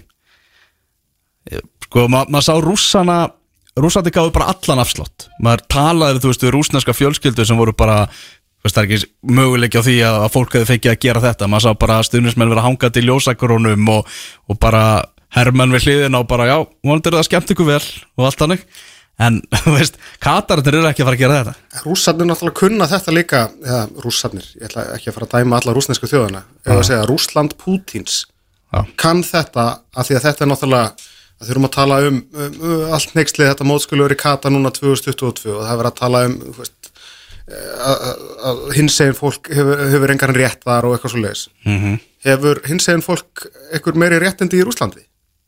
Nei, það var ekkert verið að gaggrina rússa neitt sérstaklega, auðvitað voru ykkur sem gaggrindi það Nei. en það var ekkert þess hávart verið að gaggrina rússana þar að því að það var hvað ég að segja, bara hins eginn fólkið sem að kom illa út úr því og, og reyndar náttúrulega eh, dökkir og hörund og, og, og svo Mhm. leiðis en það var kannski náttúrulega ekki, voru ekki með þessa farandverkamenn sem hafa verið að brjóta á við að byggja vellina í Rúslandi það var til ykkur svona infrastruktúr þar áður. Mhm. en, en svona, þú veist, rússarnir kunna þetta eh, Rússland Pútins kann þetta að- að- að- þennan hvítþótt eða þennan íþrótta þótt að að að þau ætla að nýta mótið til þess að- að sína fram á sína yfirburði. Þá náttúrulega verður þau að, að líta, líta framhjá einmitt einhverju, fullum stuðnismönnu sem eru hangandi í ljósakrón já, svakalega en, en Katar hefur kannski ekki verið þar að því að bara ekki sama reynsla og ekki sama saga ég halda stórmót eins og, eins og hjá, hjá rúsum og, og, og, svo líka bara er kúltúrin líka allt annar hérna í miðausturlöndum heldur en í Rúslandi mm Þannig að við förum aðeins í, í, í fótboltan vindum okkur aðeins í hann. Eins og segir þú ert að vinna á Rúf sem náttúrulega með réttin á þessu. Það er nóga, nóga fólki, nóga höndum upp á dekk. Náttúrulega bara Rúf litast af, af þessu móti núna næstu vikur. Já, já, ekki spurning allir leikir í betni og, og náttúrulega því líka veistla næstu daga. Það er bara, það er fyrsti leikur á morgun hérna Katar Ekvator klukkan fjögur og, og, og svo eru þrýr leikir á, á mánudag og svo bara fjóri leikir alveg næstu daga frá með þriðudegi klukkan 10, 1, 4 og 7 þannig að það er uh, já, þetta er frábært einmitt fyrir fyrir mentaskóla og háskóla nema sem að eru búinir snemma í jólaprófum eða þurfu ekki að nema að skila bara einni rítgerð eða eitthvað, geta bara leiði upp í sofa og horta alla leikina frá mótni til kvöld sko. Nákvæmlega og svo á millileikjana þá er þessi umræða með öllum sérfræðingunum og, og því. Akkurat. Já, þetta er, þetta er og þeir eru að fara að nota Rúf 2 náttúrulega í kvöldleikjana þegar ekki sýtist með til að, til að byrja með.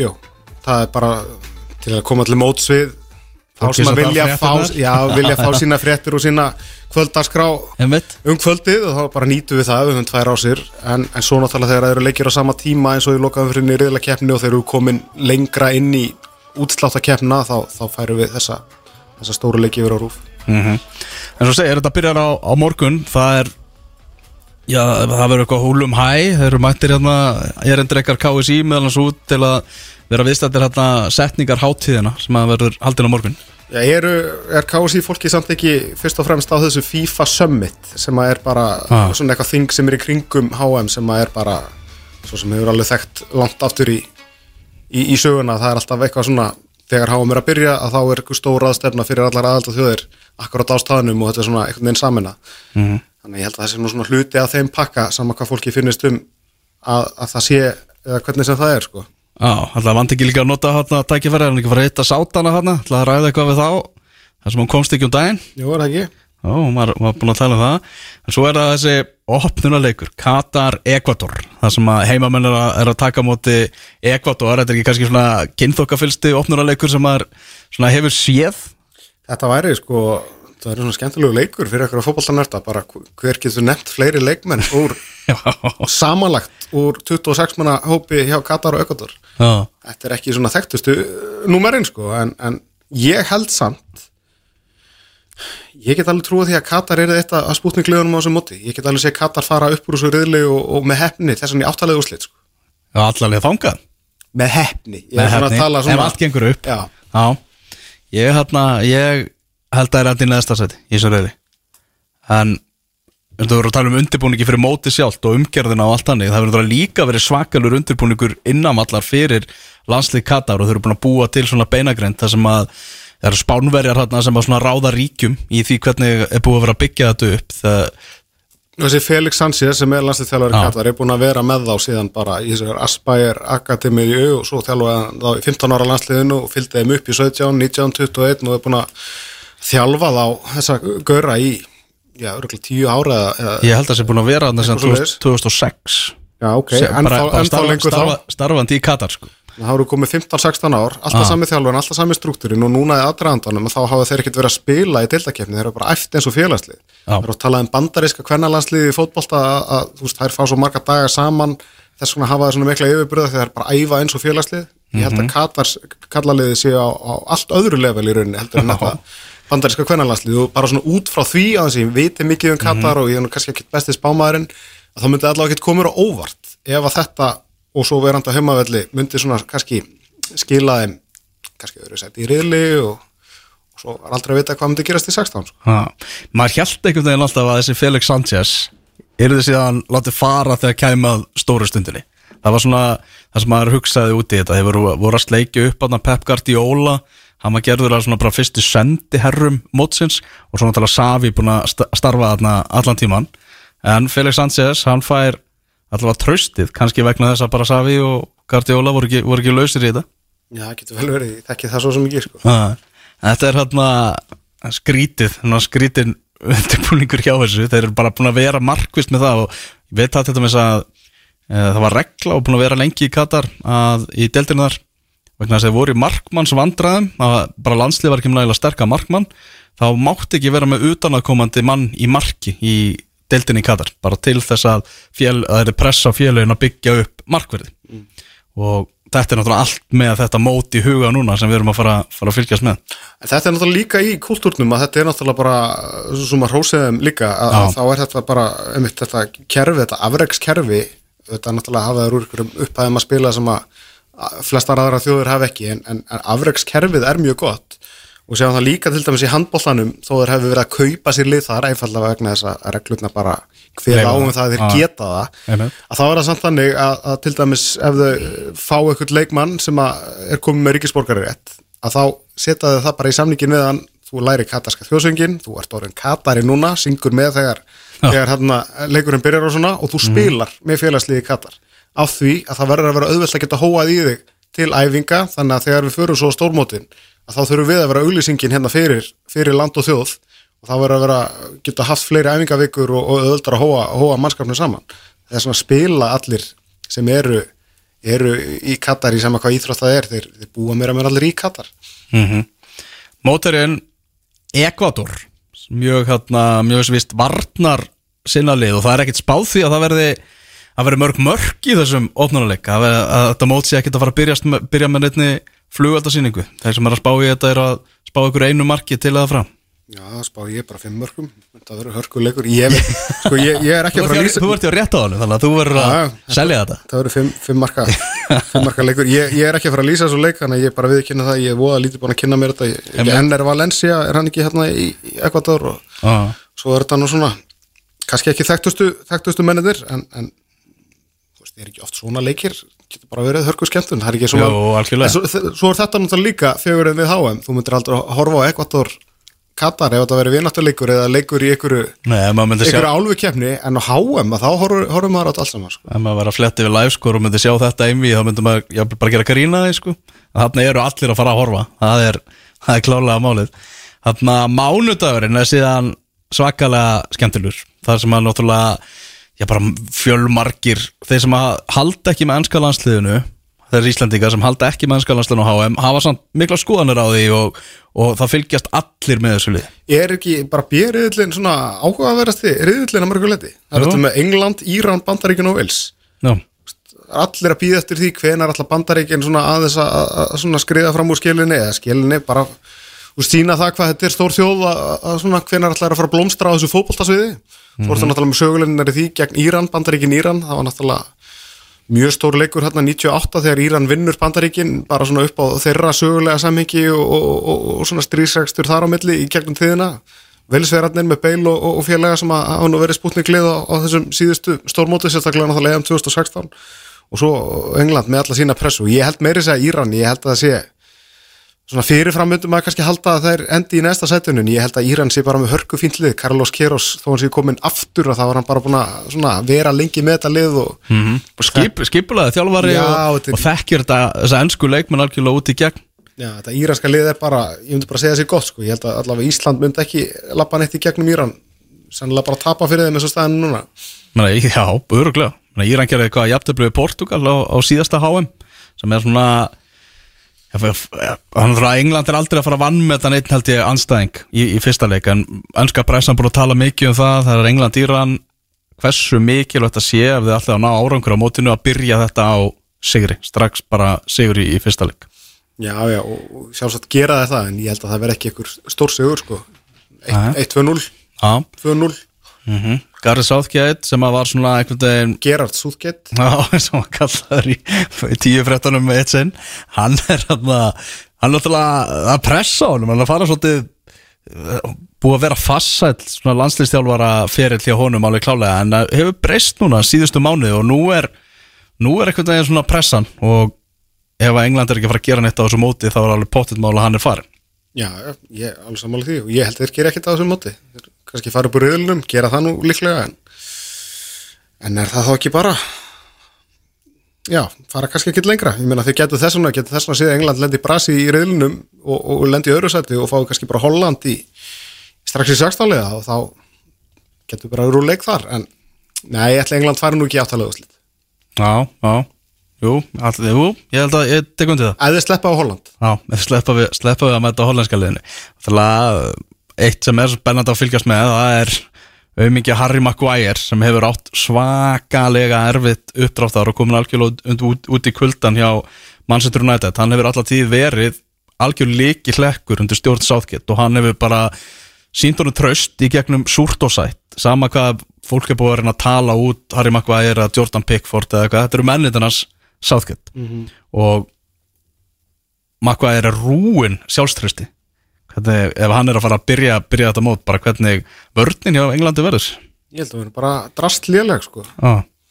og, og svo náttúrulega öll þessi umræða með Trent þú veist, svo tekur hann á endanum bara svona alltaf að fylla upp í 26 6 manna hóp en, en veist, ég er nú sjálfur Leopold maður ég fór mér svo leik um daginn og, og svona horfði á Trent með einu augum þar og ég menna hann var ekki góður að verjast í þenn leik hann var bara rauninni algjörlega út á túnni og náttúrulega kannski fekk ekki aðstof frá miðinni í þenn leik en, en þú veist, maður skilur alveg þá umræðin hann er heldur aldrei að fara að byrja þessa leiki en jafnvel þó að það að fara að finna til dæmis pláss fyrir hanna þá myndi það heldur ekki styrkja styrkja varnarleikin hjá Englandi í, í, svona, í þessu upplegi sko. mm -hmm. Fann hérna eitthvað svona líklegt byrjunalið það er hérna Pickford, Trippier Stones, Maguire, Luke Shaw á miðjunni Bellingham sem náttúrulega en sko, þú veist, Stones og, og Trippier, mér finnst það alveg hljóma vel sko.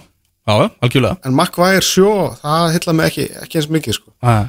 Svo er þetta á miðunum með, með Jude Bellingham sem er bara mest spennandi ungstyrni í Evrópu fótboltanum Já, svo eftir sótast ég bara Já, og þetta sem heilla, heilla mig hvað mest við hann er hvað hann er bara að hlusta á viðtöl við hann og, og allt það, hann er svo ótrúlega þroskaður þetta er ekki einn af þessum svona ungu, ungu vitleysu görum, ég held að hann myndi ekki láta nappa sig og hóttir sögu þessi gaur sko. En ég meina, svo getur það náttúrulega líka sprungið í andlitið á, á liðanum sem að hafa verið á eftir honum og, og hafa ekki þóst uh, átt fyrir honum eins og til dæmis Leopold sem var mikið að reyna við hann bara sagðist ekki bara hann var ekki á lausu sem er náttúrulega bara ruggli, menn að það er allir leikminn á lausu eða þú ert tilbúin að borga uppsett verð. Einmitt. þannig að hann er víst á lausu út frá, út frá, út frá því sko. Uh, en ég meina ef hann spila vel á HM og ef England fer eitthvað áfram í þessu móti það er náttúrulega bara hækkar vermiðin á hann Já, og nú hárið hann fyrir sko. Já, þannig að það hjálpa náttúrulega ekki þessum liðum sem að hafa verið eftir hún Declan Rice er hérna einnig á miðjunni og svo Phil Foden sem er náttúrulega búin að vera alveg Geggjaður. geggjað með Master City. Og svo er náttúrulega Saka er hérna, Bukayo Saka sem er náttúrulega annar ótrúlega spennandi flottur leikmaður. Mm Raheem Sterling sem hefur fengið mikla kakrinni og svo Harry Kane sem er náttúrulega stjartan í, í liðinu, kongurinn, maður með fyrirleðabandið Mér finnst það bara ótrúlega spennandi fram á við. En, en, en svona tilbaka allavega svona við tökum, tökum sjómakvæður og pickford það er svona ekkert að gera mikið fyrir mig. Var, þetta, ég var að skrifa svona einhverja upprifuna grein í gær með, frá HM 2018 þar sem er markakongstitillin hjá Harry Kane.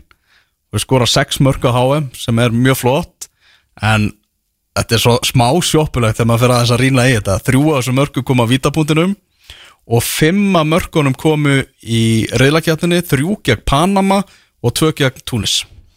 Já, já, það þarf að skora þessi mörg líka til að koma liðin áfram. Hann skoraði mest og guttskóin skilið. Það er alveg klart mál en Ég meina Oleg Salenko á okkur markakongstitil hérna frá HM 94 með 6 mörg þar að 5 á móti kamerún í riðlakefninni sko þannig að þannig að það er ekkert spurt að þessu svo sem. Nei, mynd, ég bara svona áverð að, sk- að skoða þetta þegar svona eftir mun Kane, ef að segjum svo svo England bara gangi vel að þessum Já. mun Kane skora þetta mörg mörg? Er ekki hans staða í dag að vera svona hann er í dagurinni þekktari sem miklu meiri vinnuhestur og spilar meiri aðeins aftar þó hann sé kannski fremsti maður eða þessi nýja á vellinum? Það var svona meira í ykkurum svona meiri vinsla í honum kannski heldur en í byrjun byrjun ferils Jú, jú, það er alveg, alveg klart mál sko. Og náttúrulega með þessa, þessa rakettur hérna þá við hliðin á sér og fyrir aftan sig sem að, sem að geta komið inn í svæðu og, og, og skorað mörkin sko. Já, mynd, það er nefnilega að englendingar geta fengið bara mörg allstar úr miðsvæðinu og, og í kringum Kane sko. Ég geta alltaf séð um þetta snúist til núna, hann verður það bara kannski með 6 stóðsendingar og, og 2 mörg. Já, okkurlega ef, ef, þú veist, bara tek dæmi ef að liðið fyrir eitthvað áfram sko. Já, svo er það eins og þú segir, það er hinn hinn leikurinn, það er uh, í þessu reyli það er Bandaríkin Wales og Bandaríkin með nokkuð ungt lið, margir leikmenn sem er að spila sínu fyrsta heimsmeistaramóti. Uh, Gareth Bale er maðurinn sem maður náttúrulega allt munu horfa á hjá, hjá Wales. Þetta er, þetta er hörku skemmtilegu reyl já, mjög.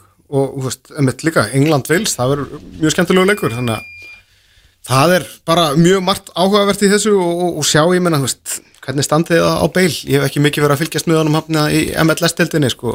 Nei, um, ég var að bara að lesa í aðeins með þarna þegar hann var nýkominn þá var hann nú bara að komin að bekknum og Mhm.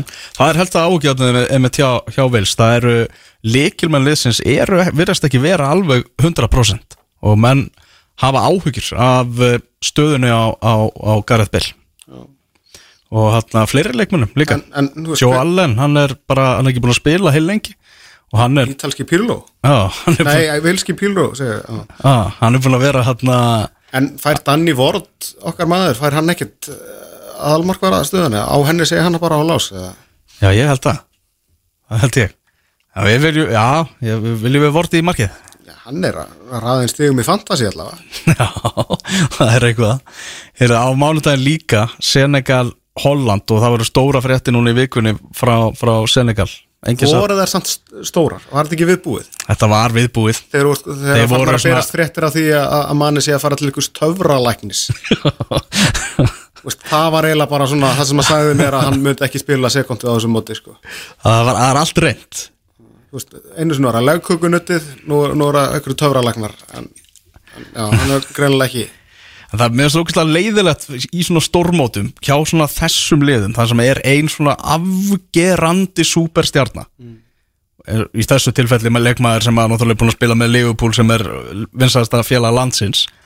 Að, bara annar í kjörunu og hérna Ballon d'Or eða, hvað var það, hvað velum voru það núna sem að jú, eða ekki, var Ballon d'Or ekki síðast það var allavega ykkur, eða FIFA Ah. velun eitthvað, ég man ekki, mann fann að ruggla þessu velunum saman, en hann bara öðru setið því- í því kjöri, sko, Ah. á eftir Benzema, þannig að það segir nú svolítið mikið, þetta er svolítið stór stjarnar dett út miða við, eða svo sett, ofan og síðan allar aðra sem bara komist ekki á mótið eins og, eins og Holland og Sala og, og fleiri, sko. Já, og svo bara, hann er bara algjör burðar á sí sóknarleiknum hjá, hjá Senegal sem að er ekkert sterkir sóknarlega og, og, meira þess að með Satjó Mane innanborst, það voru þeir oft í, í vandræðum í sóknarleik sínum, þannig að ég veit ekki hvernig þeir verða, að þeir, verða bara algjörlega bitlausar held ég ánars Mm, Það er svona spá ég Katar upp úr svo virli, Já, fram yfir Senegal og eitthvað. Og byggist á því að manni sé ekki með þessi. Einmitt, einmitt, þú segir þetta. Það er alveg, er alveg, alveg fín rögg Hollendingar, þar eru vantar ekki hæfileikar eitthvað leikmenn og Louis van Gaal, alveg við, við stjórnvöld. Það er gaman að hann með á mótinu. Já, og hann mun líka bara láta þetta snúast um sig. Hann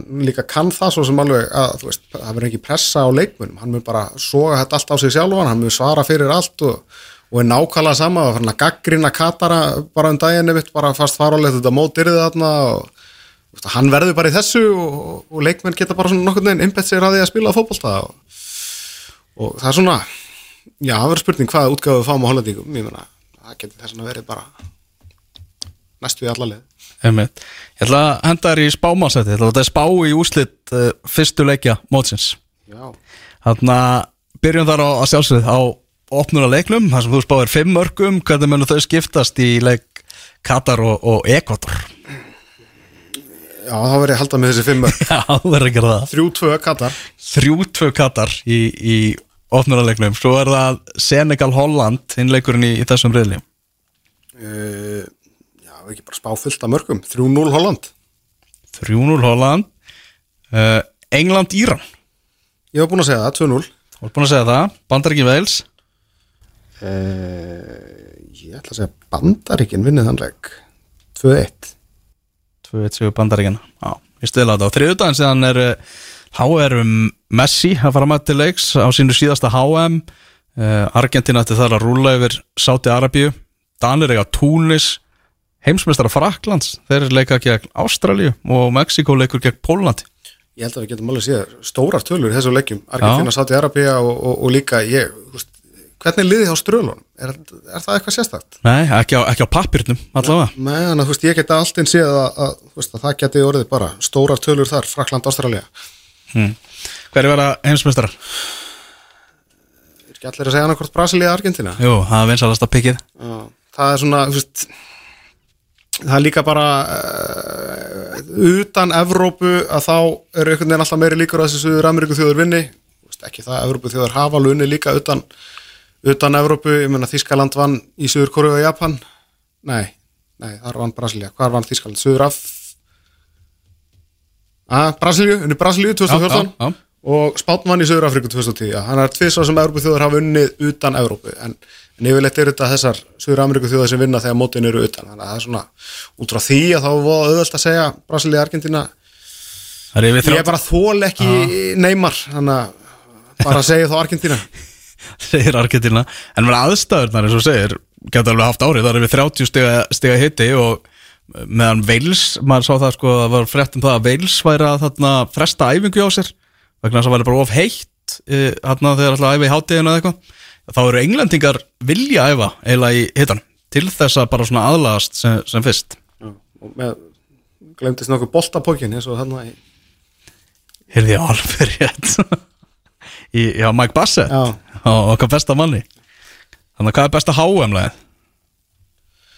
Uh, já, sko, ég var náttúrulega að fara yfir þetta ger það er bara held ég frá 90 sem að koma ykkur ofinbyr háamlög og svo tengi maður einhvern veginn alltaf háam 98 við þarna karnivalæði þarna sem að káringarnir spiluðu alltaf á vellunum en svo er það, var það ekkert háam 98 læði, heldur var það eitthvað lag með Ricky Martin? Já, um mitt Ole, ole, ole ég ætla að segja að það sé ég að það sé háam læði sko.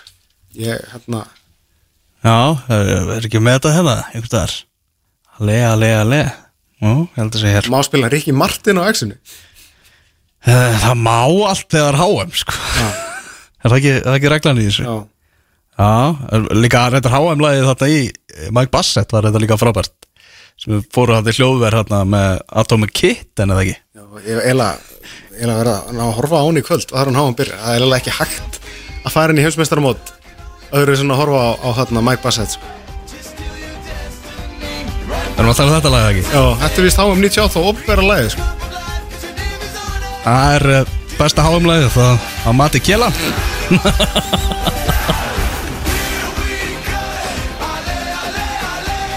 Þetta er rosalegt lag sko.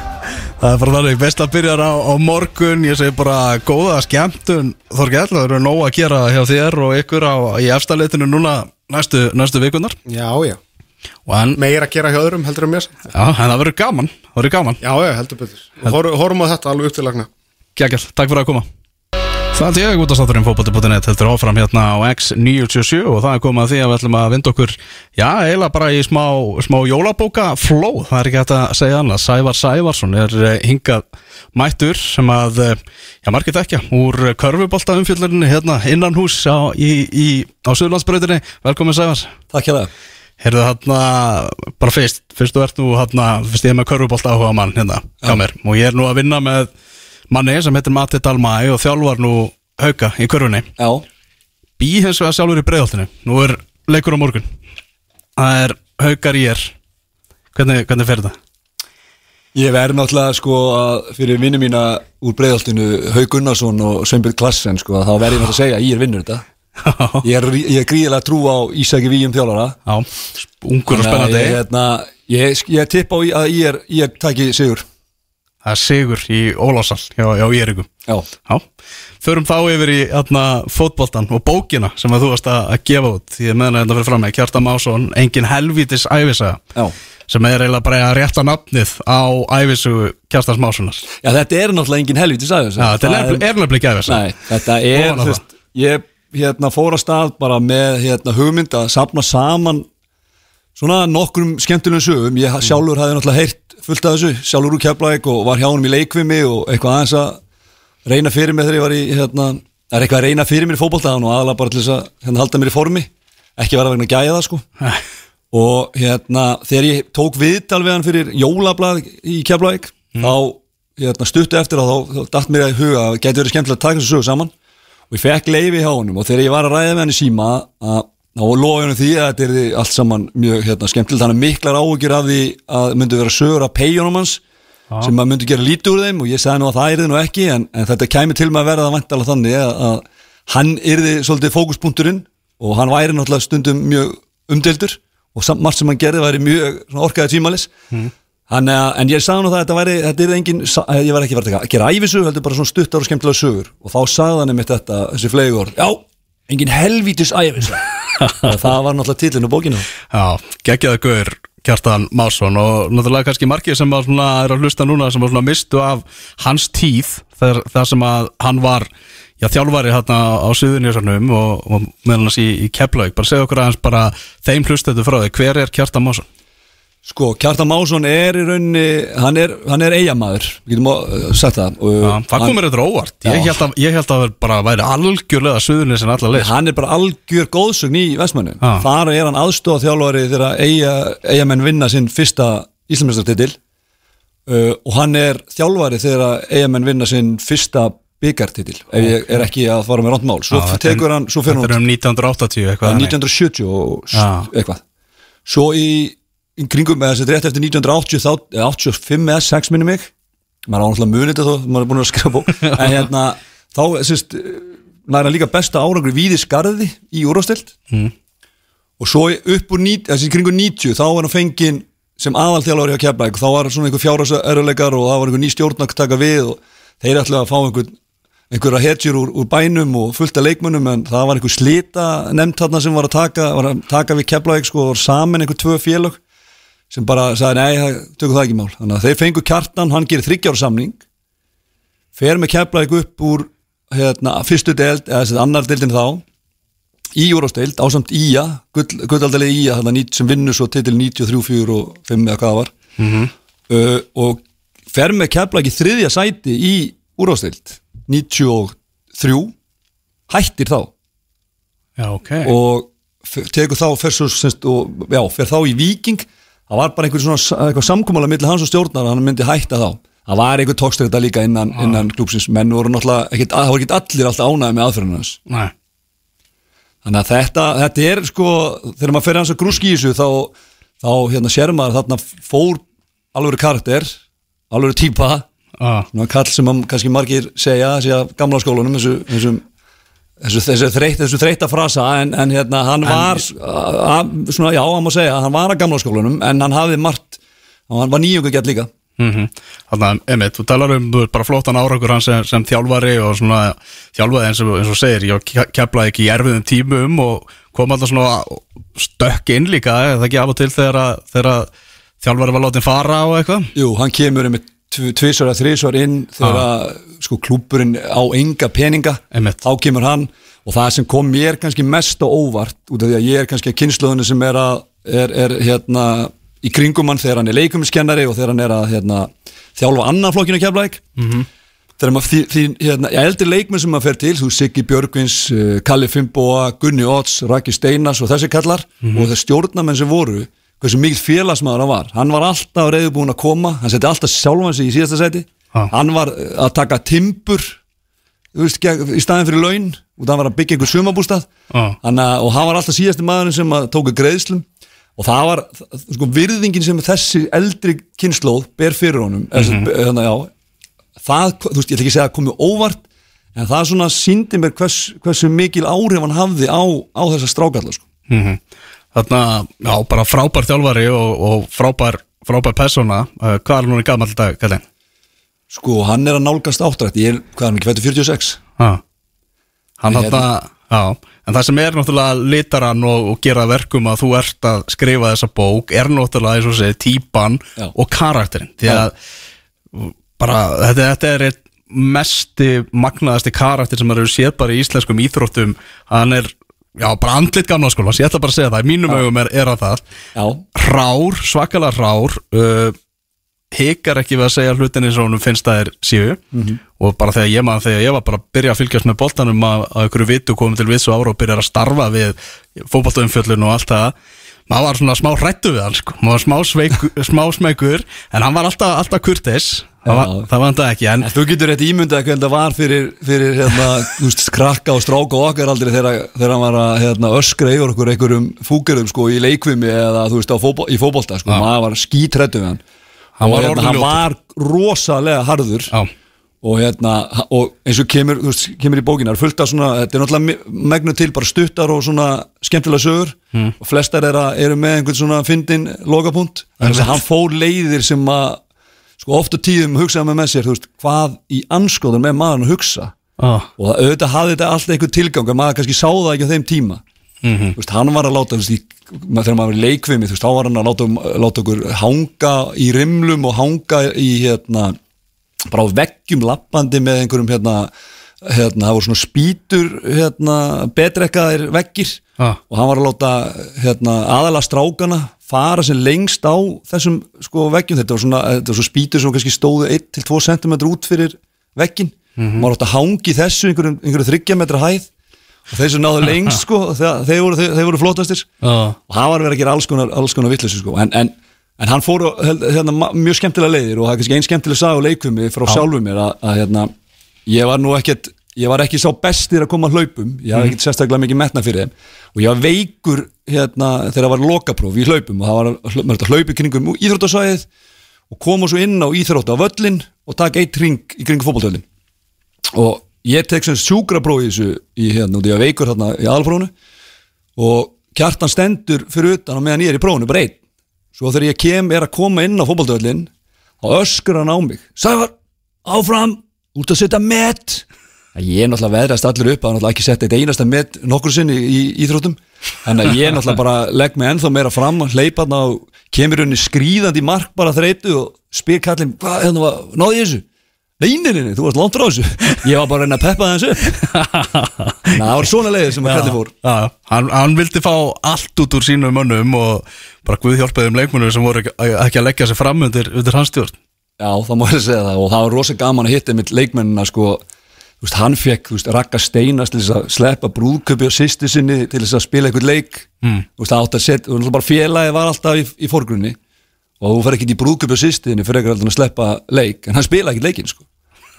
Það var, þú veist, það var alveg hérna, þú veist, þannig að menn voru skítrætti við hann en, en hérna, en, og margir töluðum, sko, þeir, þeim fannst margt að þessu sem hann, þessu leiðir og aðfyrir sem hann beitti, alveg fárálegar á þeim tíma, en svo þegar þeir fóru að hugsa tilbaka, kannski 5, 10, 20 ára aftur í tíman, þá sáu þeir hvað margt, margt spunni í það sem var að spá, sko. Já, ég vona það að dómarar og aðstofadómarar sem að voru hérna innálað við hann hafi fengið ekstra borgað fyrir að taka leiki það sem að var við stjórnvölin. Já, ég get ímyndum með það. Það er, það er, það er einmitt, einmitt sko undir lokin þetta ferlinum sko. Já. Ég held að síðasti, það er einmitt síðasti leikunum sem hann var á skýslu í hérna einhverjum á, á deildunum. Þá var hann reikin út af með rauðspjald Já, Ég held að þið, þið á fótbolti.net skrifur enda þá frétt. Það var reynir hérna Njarvík mm. Sangeri, mm, alveg rétt. Hann var hann reikin út af. Já, já hérna fréttirnar í kringum Kjartan Másson sem að voru skrifaðar hérna á sínu tíma á fótbolta.net það voru, það var góðu lestur á, á þeim. Það vöktu, vöktu mikla aðtegli það er bara þannig. Hérna þessi bók hérna svona mjög bara hugguleg bók og, og slatti af myndum. Já, það, er, stra- það var sérst hérna, kalli í hérna, maður í, í Keflavík, svona lokal, lokal gæi sem að er mjög duglegur að til dæmis þegar hann hefur verið duglegur að teikna myndir til þess að Önnumarju, Skúla, Gunnar Einars í kringu körfuna þegar það voru að ná einhverjum merkum tímamótum, mm -hmm. 500 leikir eða eitthvað slíkt, hann er, svona, hann er yngri en kjartan en, en þú veist hann er af þessum, þessum skóla sko, þannig að mér langaði svolítið að fanga tíðarandan og fá hann til þess að mála, mála myndir og eftir hérna, spjall við hann og ég hef búin að fá aðeins útskýra fyrir hann hvað ég var að pæla með þessu. Og það er svona myndin að gefa sögunum að smá líf og, og hérna, gera það aðeins skemmtilegra og aðeins eigulegri bók. Þessi bók er náttúrulega ekki, þetta er engin dóðrandur mm. heldur en þetta eru, þetta eru mestmægni sögur sko frá ferlinum hans í Keflavík og svona þessum aðferðum sem hann beitti. Líka sem kennara. Og þetta var náttúrulega leikum kennari og sundkennari og svo var hann vallastjóri líka þannig að hérna, hann gæti verið grjótarður hann, hann var sérst bara á tímabili var hann vallastjóri. Hann var kennari í Holtaskóla sem hann var hérna við hliðin á vellinum og hérna þjálfari. Já. þú veist, jafnvel með sko annan flokkin og, og hérna meistarflokkin sko. hann, hann, hann var út um allt í, í hérna kringum klubin svakalegu gaur sko. Og þetta er hérna, eins og segir, þetta er svona bók sem að þú getur bara gripið í bara hvenna sem er, getur tekið bara sögu og sögu og bara lesta hann eftir einhvern veginn hendar Já, þetta er svona orðum þannig, það er fínt að hafa hann á, á náttborinu, það er líka fínt að hafa hann á klósetinu Já, og ég hérna, nefndi einhver staðar að, hérna, ef þú ert með hérna, aðtiklisprest þá er mjög gott að grípi þessa bókun og það er mikið að köplum og stu, söguna stuttar þannig að þú getur lesið stutt á sögu og, og farið svo bara að gera það sem ætla næst að gera. Já Allir sem bara að hlusta núna og hlusta á þennan þátt eru, eru fótboltáhuga en þetta er líka alveg saga sem að þú ætti ekki bara fótboltáhuga til, að- til að fíla hana. Nei, nei, ég bara, ég myndi segja þetta eh, þetta er bara skemmtileg sag, skemmt, fullt af skemmtilegum sögum að bara Já. karakter sem að karakterum sem eru eiginlega, má segja, dey út. Já, og ég ætla bara að þóra fullir það að það er engin svona þjálfar í dag næ, og enda myndi, ef þjóðfélagi breyst og ég hugsa að, að kjartan ekkit, myndi ekkit vera langlífur með við samfélagi sem við búum í dag. Já, kann að vera að, að við sem að breytast í rétt átt einhverju kunna að telja að við sem ekki breyt, en að, gá- að fara í rétt átt. En ég leiði bara lesendum að, að kannski dæmu það. Já. en það er klárt að, að hérna, má ekki setja hann í Óla Þórðar flokkin svona ef við myndum flokka með einhverjum þjálfara? Jú að ég myndi bara segja að Óli Þórðar ætti ekki breyki hann. Nei, Er það ekki bara að sé Nei, ég segi Á fyrirsögnu komin. Já, en máli er, en máli er samt sko að undir að síðast þegar hann var eh, í kennslunni til mis. Þá var, og það kemur fram í bókinni þá var hann, var hann einbyttið sér til að, að, að hérna, krökkum sem að einhver hluta vegna bara mátu þessu ekki í uh, almenna kennslu. Þannig að hann var bara að taka utan um þessa hópa sem að þurftu hérna, kannski aðeins meiri aðstofaldur en hefbundi nefndi og hann gerði rosalega góða hluti fyrir þessa krakka og stutti á rosalega vel. Þrátt fyrir að vera þessi harði kall þá á hann sína mjúku hliðar og með árunum hefur hann alltaf mýkst og þróast bara í samfélaginu. Þetta er ekkit ósvipa á kallar eins og bara Alex Ferguson ef maður tekur hann Einmitt. grjótharður en þurfti að, að móta sig eftir breytingum samfélagsins. Einmitt, og var heldur betur góður í því. Þannig að bara svona lokum hvernig bara er að bara vera mættur í, í jólabóka flóðið Hvorki meirinni minna, hvernig er svona að fóta sig í þessu? Þetta er bara mjög skemmtilegt. Það er skemmtilegt að fá að koma í svona þætti eins og þennan og, og hérna, fá að kynna þetta Ég er náttúrulega bara gefið út sjálfur veist, hérna, þannig að ég er ekkert með neitt fórlega á baku mig eða, eða neitt slíkt þannig að ég er bara þetta inn á heimasíðu sem ég er með og en reyndar hérna, netto og keflæk ætlar að setja henni sölu á sig líka. Ok, þannig að Þannig að þetta hérna- ekki í bókabúðunum bara hér? Nei, þannig að það, fólk það bara fara inn á, inn á heimasíðuna mína millilending.is Já, þar hægt að ná í bókina. Ég Ok. er bara að hafa sambandið mig á samfélagsmiðlum með eitthvað. Ég, ég reyna, ég reyna að hérna, koma sér flestum út þetta, ég, hérna, ég held þetta eigi erindi á ekki segja bara eigi erindi á öll heimili. Jú, ég er bara saman á því. Og hann og vestmannegar, þeir eru þystir í þetta og ert að finna fyrir því. Já, það kom mér mjög óvart. Ég, hérna, ekki, kannski kom mér ekkert óvart. Dætur hans, ég er búin að vera aðeins með þeim í kringum þetta ferli, hérna, dætur hans kjartans Já, og það er sögðu mig strax að það myndi vera áhugi fyrir þessu í, í vestmennum ég reyndar frétt að því í gæri að það var eh, á einhverju kvöldi það í eigum þá var verið að lesa upp úr bókinni já, ok þannig að ég bara ánæg með það bara ekki lesa hann alla samt en hérna, þannig að ég, ég, ég og Kjartan ætlum að kýja til eiga Ok. okay. við ætlum að reyna að koma okkur til eiga í, í byrjun DS Já. og vera með einhverju smá kynningu og ég ætla að taka svona legend með mér eins og Magga, Magga Matt og sjálfsög og hérna það verður bara gaman ég, hérna, og ég meina ef einhverju er áhuga að fá bókakynningu eða, eða fá þess að mæta og segja einhverju sögur þá bara, þá er síminn opinn Það ert þú bara klár Ég er alltaf klár. Já, er, ertu farin að hugsa um næstu bók? eða? Nei, en ég sko, ég er búin að, að blunda aðeins í mér að, að, að hérna, segja sögur af, af erlendum köruboltamönnum sem hafa komið til Íslands. Ah, og það var gaman að taka hérna, alveg bara til 1975 og upp úr taka nokkur, nokkur nöfn kynna leikmennina og segja einhverja sögur. Sumir eru náttúrulega geta verið með sér kabla sumir eru bara, komu kannski hérna og, og voru bara í tvær, þrjá vikur. Ég gerði nú bók fyrir tveimur árum um einmitt einn hérna kana sem kom til kjafla ykkur Já, var í þrjár vikur en skildi eftir sem minningar sem að lifa í lífu og hérna, ef að fólk vil hérna, kaupa hana þá er hún líka til sölu á, á hérna, síðunni. En hérna, það er eitthvað sem ég geti, geti trú að geti verið spennandi. Heldur betur. Millilending.is, hvetjum alla til, að- til að kíkja á þetta. Sævar, bara takk hjá fyrir komuna. Takk hjá fyrir mig